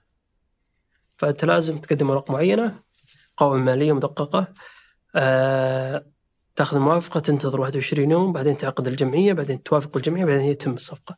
طبعا مشروط أيضا بهيئة المنافسة فإحنا قدمنا على هيئة المنافسة. آه، للأسف أيضا تأخر الوضع أكثر من ال deal السابق، ال deal السابق كنا. يعني آه آه يعني فائده المنافسة أصلا إذا أغلب الصفقات يتمون خلال ثلاث شهور. ف Delivery Hero Delivery Hero قعدنا خمسة اشهر مع جاهز إحنا قدمنا يعني بداية ديسمبر. ما تم الإعلان إلا سبتمبر الماضي فعشرة اشهر لين صدرت يعني أذكر حتى يوم سجلنا حلقة جاهز. كان لسه ما كان واضح الموضوع إنه آه، تمت إيه. الصفقة ولا ما تمت الصفقة فتاخر الموضوع مرة. إيه. في شيء مهم في الصفقة اللي يسمونها ال long stop date اللي هي تاريخ انتهاء الصفقة. أنا أوقع أنا وياك على الصفقة ونحط شروط. ونقول لك ترى التاريخ هذا آه لازم ننجز الشروط قبل التاريخ. إذا جاء التاريخ هذا ولا أنجزنا تعتبر الصفقة لاغيه. ما لم يتفق الطرفان على تجديد مهلة إضافية. وليش طول الموضوع مع هيئة المنافسة؟ إي فإحنا أول شيء كانت إحنا وقعنا في نوفمبر كان ال ال ال آه الاتفاقية تنتهي في ابريل في شهر أربعة. آه السنة الحالية آه طال الموضوع مع هيئة المنافسة آه طبعا وش اللي خلاها تصير أطول من آه، موضوع آه، الموضوع مع Hunger مع Delivery Hero عند هيئة المنافسة؟ والله آه ما أقدر يعني الموضوع مو عندنا فهمت؟ ما كان مو عندنا آه وليس من صالحنا إحنا أن نتأخر تعرف أنا الحين بعطيك بوعدك مبلغ معين. تمام؟ أنت من مصلحتك إني أتأخر عليك ولا أبكر عليك؟ اي لا لا فاهم عليك. قال إيه ما كان عندنا مصلحة ان كنا حريصين نخلص بسرعة. حلو. فجاء شهر أربعة انتهت اتفاقية وما قدرنا ناخذ آه، موافقة هيئة س- آه، المنافسة وهيئة سوق المال. فاضطرينا أن نمدد ثلاثة شهور إضافية على أمل. جاء مددنا نهاية شهر سبعة. ما طلعت هيئة آه، موافقة المنافسة فقلنا طبعا كل فترة تمديد يصير في نقاش داخلي. نمدد ولا ما نمدد فهمت؟ آه لأن تجربة متعبة مم. آه وكانت متعبة يمكن بالنسبة لي آه مع الديل هذا مع الصفقة هذه تشتغل مع أكثر من مستشار ماخذة جل وقتك وتركيزك و آه يعني أثرت علي بصراحة آه نفسيا حتى جسديا هو ال- ال- ال- الرواية الدارجة وهذه قبل فترة قريبة جدا إنه اتفقتوا وكل شيء تمام بس بعد ما طرحوا جاهز نزل السهم واختلفت الآن أو اختلت قيمة الصفقة وصارت أقل مما هي من لا لا لا, لا لأنه هذا اللي مقتنعين فيه إيه الناس. إيه. لا لا غير صحيح. لأنه آه إحنا مددنا كذا مرة. مددنا والسهم أيضا كان في نزول. فمددنا بنهاية أبريل. كان السهم نازل. هل أنت قاعد تقول لي في في جميع اللحظات اللي صارت فيها الموضوع هذا أو جميع الأوقات ما كان سعر السهم مشكلة بالنسبة لكم؟ لا لا ما كان. آه لأن يعني نعتقد إنه آه إذا تمت الصفقه أنا وجهة نظري إذا كان إذا تمت الصفقه بيصير في عائد على السهم. حلو. ف الناس يجزمون إنه هذا هو السبب اللي كل شوي ترجعون على طاوله المفاوضات لا لا لا يا جماعة. إحنا كان هدفنا نخلص نبي. نخلص. فهمت نبي نخلص إنسان له طاقة فهمت آه تعيش نفس التجربة مرتين آه تلهيك عن أشياء كثيرة حتى تأثر على النمو مم. بس الحمد لله يعني دبنا في سنة 21 وسنة 22 دبنا مم. بس إنها يعني أعاقتنا بصراحة تركيز كامل طيب وش اللي صار رجل؟ أقول لك مددنا الحين شهر أربعة إلى شهر سبعة على أمل تطلع موافقة هيئة المنافسة طلعت في شهر تسعة. باقي هيئه سوق المال. الإجراء كان آه يعني خلينا نقول بالمختصر. مددنا لين أكتوبر. وجاء أكتوبر حسينا إنه الديل يحتاج أيضا ممكن خمسة شهور إضافية. مم. خمسة شهور لستة شهور إضافية. الفترة هذه قلنا يعني خلاص يعني أعتقد إنه اتفقنا إنه ما ما نمدد. وتم الإعلان إنه آه ألغيت الصفقة بسبب عدم التمديد إلى فترة إضافية. لا أحس ما أدري ما, أشبعني الجواب هل ال... هل أقدر أعرف طيب يعني على الأقل إذا يسمح لك الموضوع قانونيا الموضوع من عندك ولا من جاهز؟ إيه يعني مين اللي مين اللي كان يبغى يلغي؟ ما عاد كان يبغى يلغي. أنا ما أعتقد إنه لا قصدي في شوف، هذه المرحلة أنا- يوم طول الموضوع أنا ما أعتقد إنه جاهز جت ودخلوا وصرفوا وطلعوا على بياناتنا وجلسنا معهم وهدفهم الغاء في النهايه. أكيد أكيد لا لا بس قصدي يوم وصلتوا لل- للنهاية إيه. الحين إنه جددنا أكثر من مرة مم. فهمت؟ إحنا شفنا إنه الموضوع بيطول الموضوع بيطول آه الريال اللي أنا أتفق أنا وياك عليه في سنة معينة يختلف قيمته عن الآن. آه م- إحنا قررنا بصراحة كشركاء الغالبية إنه ما راح نمدد نشوف خيارات ثانية. فالقرار من عندكم إنه ارتفعت قيمة ذا شيفس فتشوفون الأفضل إنه ما تطولون موضوع المفاوضات إلى اطول من كذا؟ إن شفنا إنه لو طو... لو مددنا مم. ما راح نخلص. تكلفة علينا وعليهم. لأن فيه تكلفة. أوكي. اي يعني حسافه ما تمت فهي ما لها دخل في قيمة السهم. لا لا بالعكس إحنا حتى حاولنا لكن- يعني يعني اجين يعني أنا كنت مؤمن إنه آه، في مصلحة القطاع امم في ناس كثير تفائلوا في الموضوع مصلحة. القطاع يعني بدل ما أنا أنافس تكلفته حتى بعدين بكرة تكلفة الاستحواذ إذا كثروا اللاعبين ترتفع تكلفة الاستحواذ على مين؟ نعم. فهمت؟ كل واحد يحاول يسحب كل واحد. إيه فهمت؟ مثلا كلنا بنعلن مثلا خلينا نقول سناب شات إذا ما في إلا أنا بعلن تفرق إذا أنت جالس تعلن معي لأن هي نعم. بيدنج من اللي يدفع أكثر فهذا محور بسيط يعني. آه ومن مصلحة العميل أيضا. آه طبعا الحمد لله يعني تم الإعلان إنه آه ألغيت الصفقة. آه again نفس السيناريو اللي كان آه قبل إنه متأكدين القادم أفضل. وعسى أن تكرهوا شيء وهو خير لكم. واحدة في ال Excel sheet. ولا خلوها ما سويت هالمرة. آه، هذا هذا من قبل. من بدايتها يعني هالمرة ما عشمت نفسك إيه، قلت إنه إيه. آه، فالحمد لله. يعني حتى والله يعني ال- آه، يعني تفاجأت من أثرها بصراحة أنه موظفين زادت إنتاجيتهم. استانسوا فهمت؟ آه القطاع نفسه صار في تفاعل إيجابي. الموظفين عنده بس هم آه لا بس في بعضهم. okay. إيه. فتحمسوا أكثر إن يمكن يطلع لهم شيء. لا لا الكل الكل الكل. إحنا كنا واعدينهم صراحة okay. ف بشكل عام يعني قلنا خلاص إحنا نعتقد إنه The Chefz آه، عنده فرص أكبر. والحمد لله يعني مثل ما قلت لك مع العوائق اللي صارت دبلنا ارقام 21 عن 20 دبلنا رقم أرقام 22 21 والسنة هذه أنا ودي صراحة أحفر أكثر في الموضوع ذا لأن أنا متأكد حتى في ناس كثير بيتواصلون معي يقولوا ليش ما سألت كذا وليش ما إيه. سألت كذا؟ طبعا في معلومات كثير ما, ما تقدر أنت يعني بالضبط. إيه. أنا بحترم بس إيه. الجانب القانوني عاد علاقتنا مع بتجيبني وبتجيب أبو عبد الله حمد البكر عادي. مع بعض مع بعض ما عندنا مشكلة. شو اسمه اتجاه معاكس ولا آه لا لا أنا بحترم صراحة موضوع ال- الاتفاق اللي بينكم إنه إيه. كلكم موقعين على عدم إفصاح. وبالإضافة برضه أني أحترم أبو عبد الله وأحترمك. فما ودي يصير الموضوع إثارة الجدل أكثر ما هو توضيح إنه يا جماعة ما له علاقة في سعر السهم. الموضوع طول أكثر من اللازم وشفنا إنه خلاص الآن ما عاد في توافق أول شيء إنه أرهقكم الموضوع بشكل كبير. جدا جدا. ف وشفت إنه في يمكن فرصة أفضل مستقبلا مع ارتفاع قيمه الشركة. هذا اللي فهمته. هل هذا الفهم صحيح؟ صحيح. حلو. آه، كلمك أحد بعدها؟ قال مسحت عليكم ولا؟ والله ما نقدر. متى هذه؟ أي جزء؟ ما أنت في شركه مدرجة يا أخوي. هذه أي جزء؟ اي بس يعني ما- في أحد كلم قال والله يعني الحمد لله يعني. مليون بالمية في أحد أخذها مني. آه فيه طبعا. آه وفي خيارات كثيرة. بس نفس ما راح يعني خيارات كثيرة بصراحة. متنوعة يمكن أكثر من اللي قبل. آه ما راح نستعجل. آه راح نركز أكثر في النمو. نركز في سنة 24 إنها تكون سنة استثنائية بالنسبة لنا. آه ونشوف. يعني ما تدري فعلا. واحد ترى يمشي على كف القدر ما يدري وش المكتوب. فما تدري. فعلا ترى إحنا من بداية ما كنا ندري.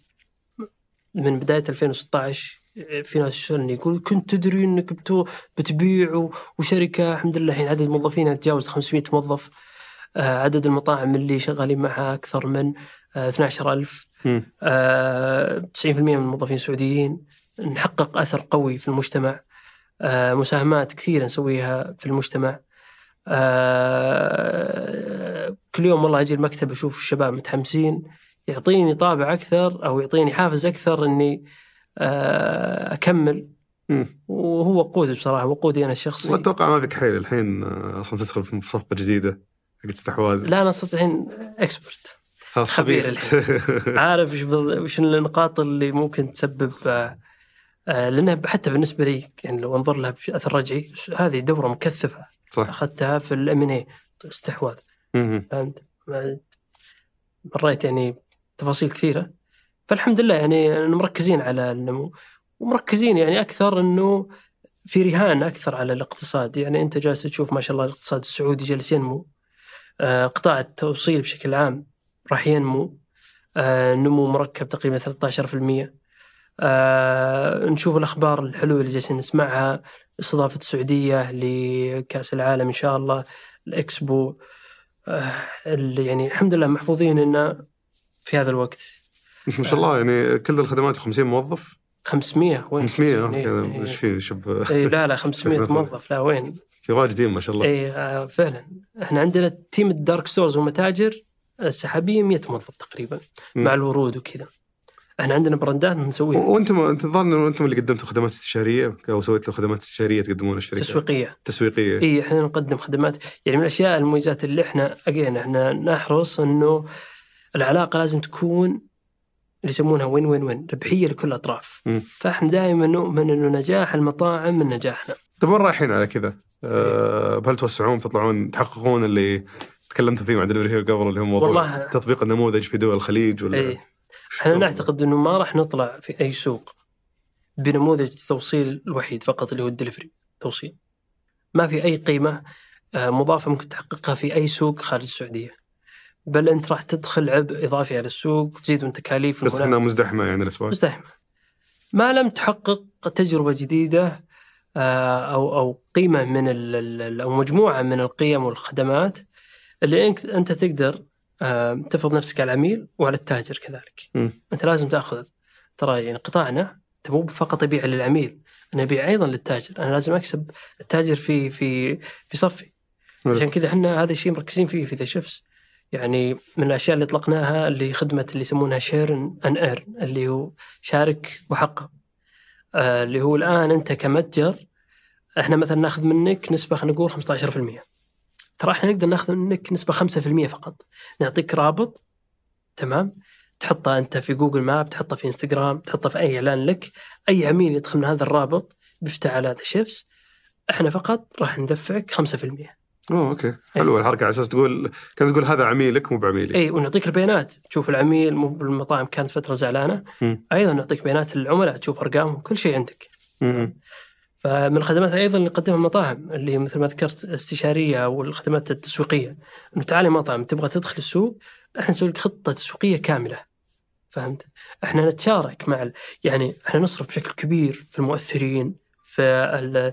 ال social media آه، أنت مطعم تبي تعلن مع مؤثرين إحنا ندفع 50 50 فخدمات استشاريه اللي يمكن إيه. انقطعت سالفته الخدمات الاستشاريه هذه كلها تدور حول خلينا. نقول تسويق التجار تسويق تجاري وتحاسبونهم كاش ولا من ترفعون يد... ولا؟ لا لا لا أنت متجر طبعا إحنا نسوي يعني لما نعلن مع مؤثرين آه ندرس كل مؤثر ونجرب على أي متجر نجرب على أكثر من تصنيف لين نعرف هذا كويس معنا ولا لا مم. فبنينا قاعدة ذهبية من المؤثرين نعرف أدائهم والعائد اللي يحققونه من الإعلانات فإحنا أنت مثلا متجر تبي تعلن تتواصل معنا أو مع مدير الحساب نقول لك تعال هذه هذه قائمة المؤثرين تراك سعرك كذا وإحنا نجيب سعر مرة كويس تدفع فقط النص وما راح تدفع كاش راح نخصمه من المبيعات في نهاية الشهر okay فاهم؟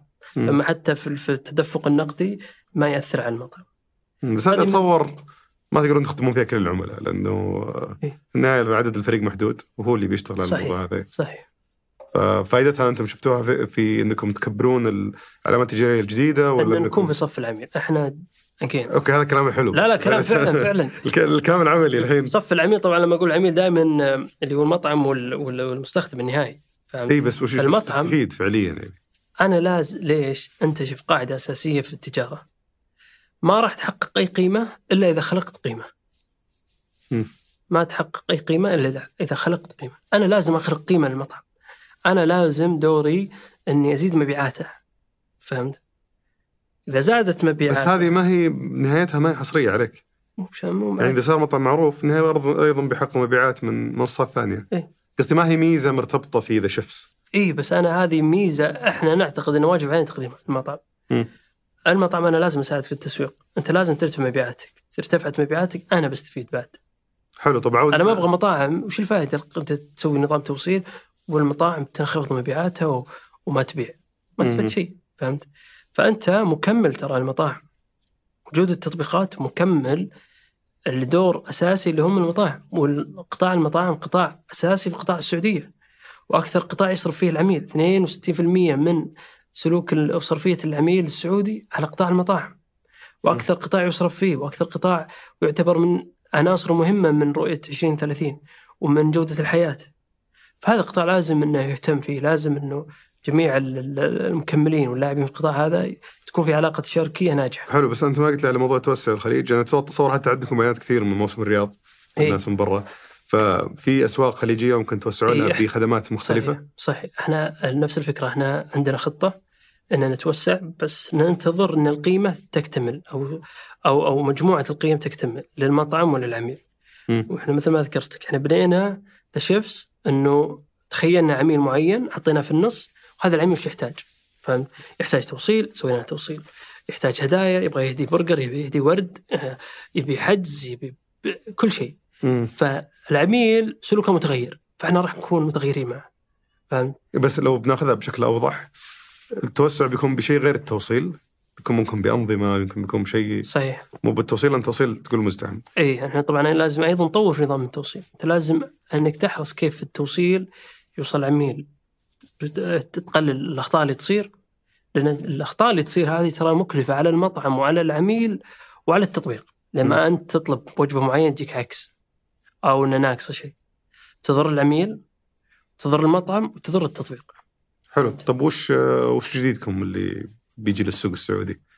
هل في مزايا جديدة جاية شيء؟ يعني عطنا كذا حصرية. إيه. آه والله شوف إحنا علما ان الحلقة بتطلع الأسبوع الجاي إن شاء الله من وقت التصوير فيعني متى؟ راعي الشيء ذا. يعني مو بالأحد هذا اللي بعده. إيه. فعلمنا شيء بيطلع. الفترة الجاية. والله شوف إحنا حريصين يعني بصراحة تعرف أيضا عندنا آه، نموذج النقاط الولاء. انك كل ما تطلب تحقق نقاط. إحنا نعتقد أنه هذه عملتنا في المستقبل. فراح نبني عليها خدمات إضافية آه يعني سمعت خدمات سوشيال شيء يا- خدمات قريب. اجتماعية شوف- ترطيش حكي شوف اي أنت لازم أجين لازم آه، حركة أو أو أو دائرة التطوير عندك مستمرة. فهمت؟ ففيه فيها في أشياء جديدة هدفنا. اجين إنه طبعا كلمة اجين قلتها 20 فهدفنا دائما إنه نكون مبتكرين في صف العميل في صف المطعم. إيه، كلام جميل. بس أنا هذه النقطة تحديدا. أنا ما ودي أقولها بعدين في ناس يروح يقلدون. أصبر شوف. طيب. أنا شوف أخاف الفريق التقني يقول لي اصبر؟ شوف، أنا وياهم ترى. لا تأكد لي ولا شيء بس أنا اللي تخيلته هو شيء امتداد للتقييمات والتعليقات والأشياء اللي موجوده صحيح. عندكم. أوكي يلا وصلنا. بس يلا ما تكلمنا عن التصميم وكذا صحيح. دامك تخاف إحنا خلها مفاجأة أحلى كذا. حلو طيب. آه، ترى الواجهة الجديدة يعني آه، مميزة إذا جربتها. انحرقت المفاجأة خلاص. كان ودنا طالعين قبل. لا لا مو مشكلة. الله يعطيك العافية بركان. جدا سعدت اليوم باستضافتك. لاخيرا قدرنا. نرتبها ونطلع إن شاء الله لاستحواذ يتم لذا شيفس وينقلك المرحله مو جديدة مو بشرط. ليش؟ مو بشرط استحواذ. تبي فلوس ما تبي فلوس؟ آه، كله أكيد إنه من مشروع خيري. حلو. آه، بس في فرص كثيرة طرح. غير الاستحواذ ممكن. في مخططين؟ إن شاء الله. الله. مرة. عسى, عسى الله. شوف أنا أخذت قاعدة في الحياة؟ لا ت... ما تدري؟ هذا ما تبي تعشم نفسك ولا ما شيء. تدري. أنا حتى أنا قاعد أقول لا تتعب فهمت؟ أمشي لين تصير صار شيء أعلن فهمت؟ الله يرزقك ويرزقنا. وجميع من يستمع. الله يعطيك العافية وشكرا لك على وقتك الله يعافيك. شكرا لك. الله يعطيكم العافية. شكرا لكم وشكرا لعبد الملك آل سعيد في إنتاج المحتوى في التحرير عدي عيسى في التصوير ياسر بن غانم في الإضاءة ياسر كدشة في التسجيل يوسف إبراهيم في الهندسة الصوتية عبد العزيز المزي في الإخراج الإبداعي وهاب موسى في الإخراج الفني مجد الملي ومساعده وسيم معين وفي الإنتاج التنفيذي غيداء التميمي. هذا بودكاست سوالف بزنس أحد منتجات شركة ثمانية للنشر والتوزيع.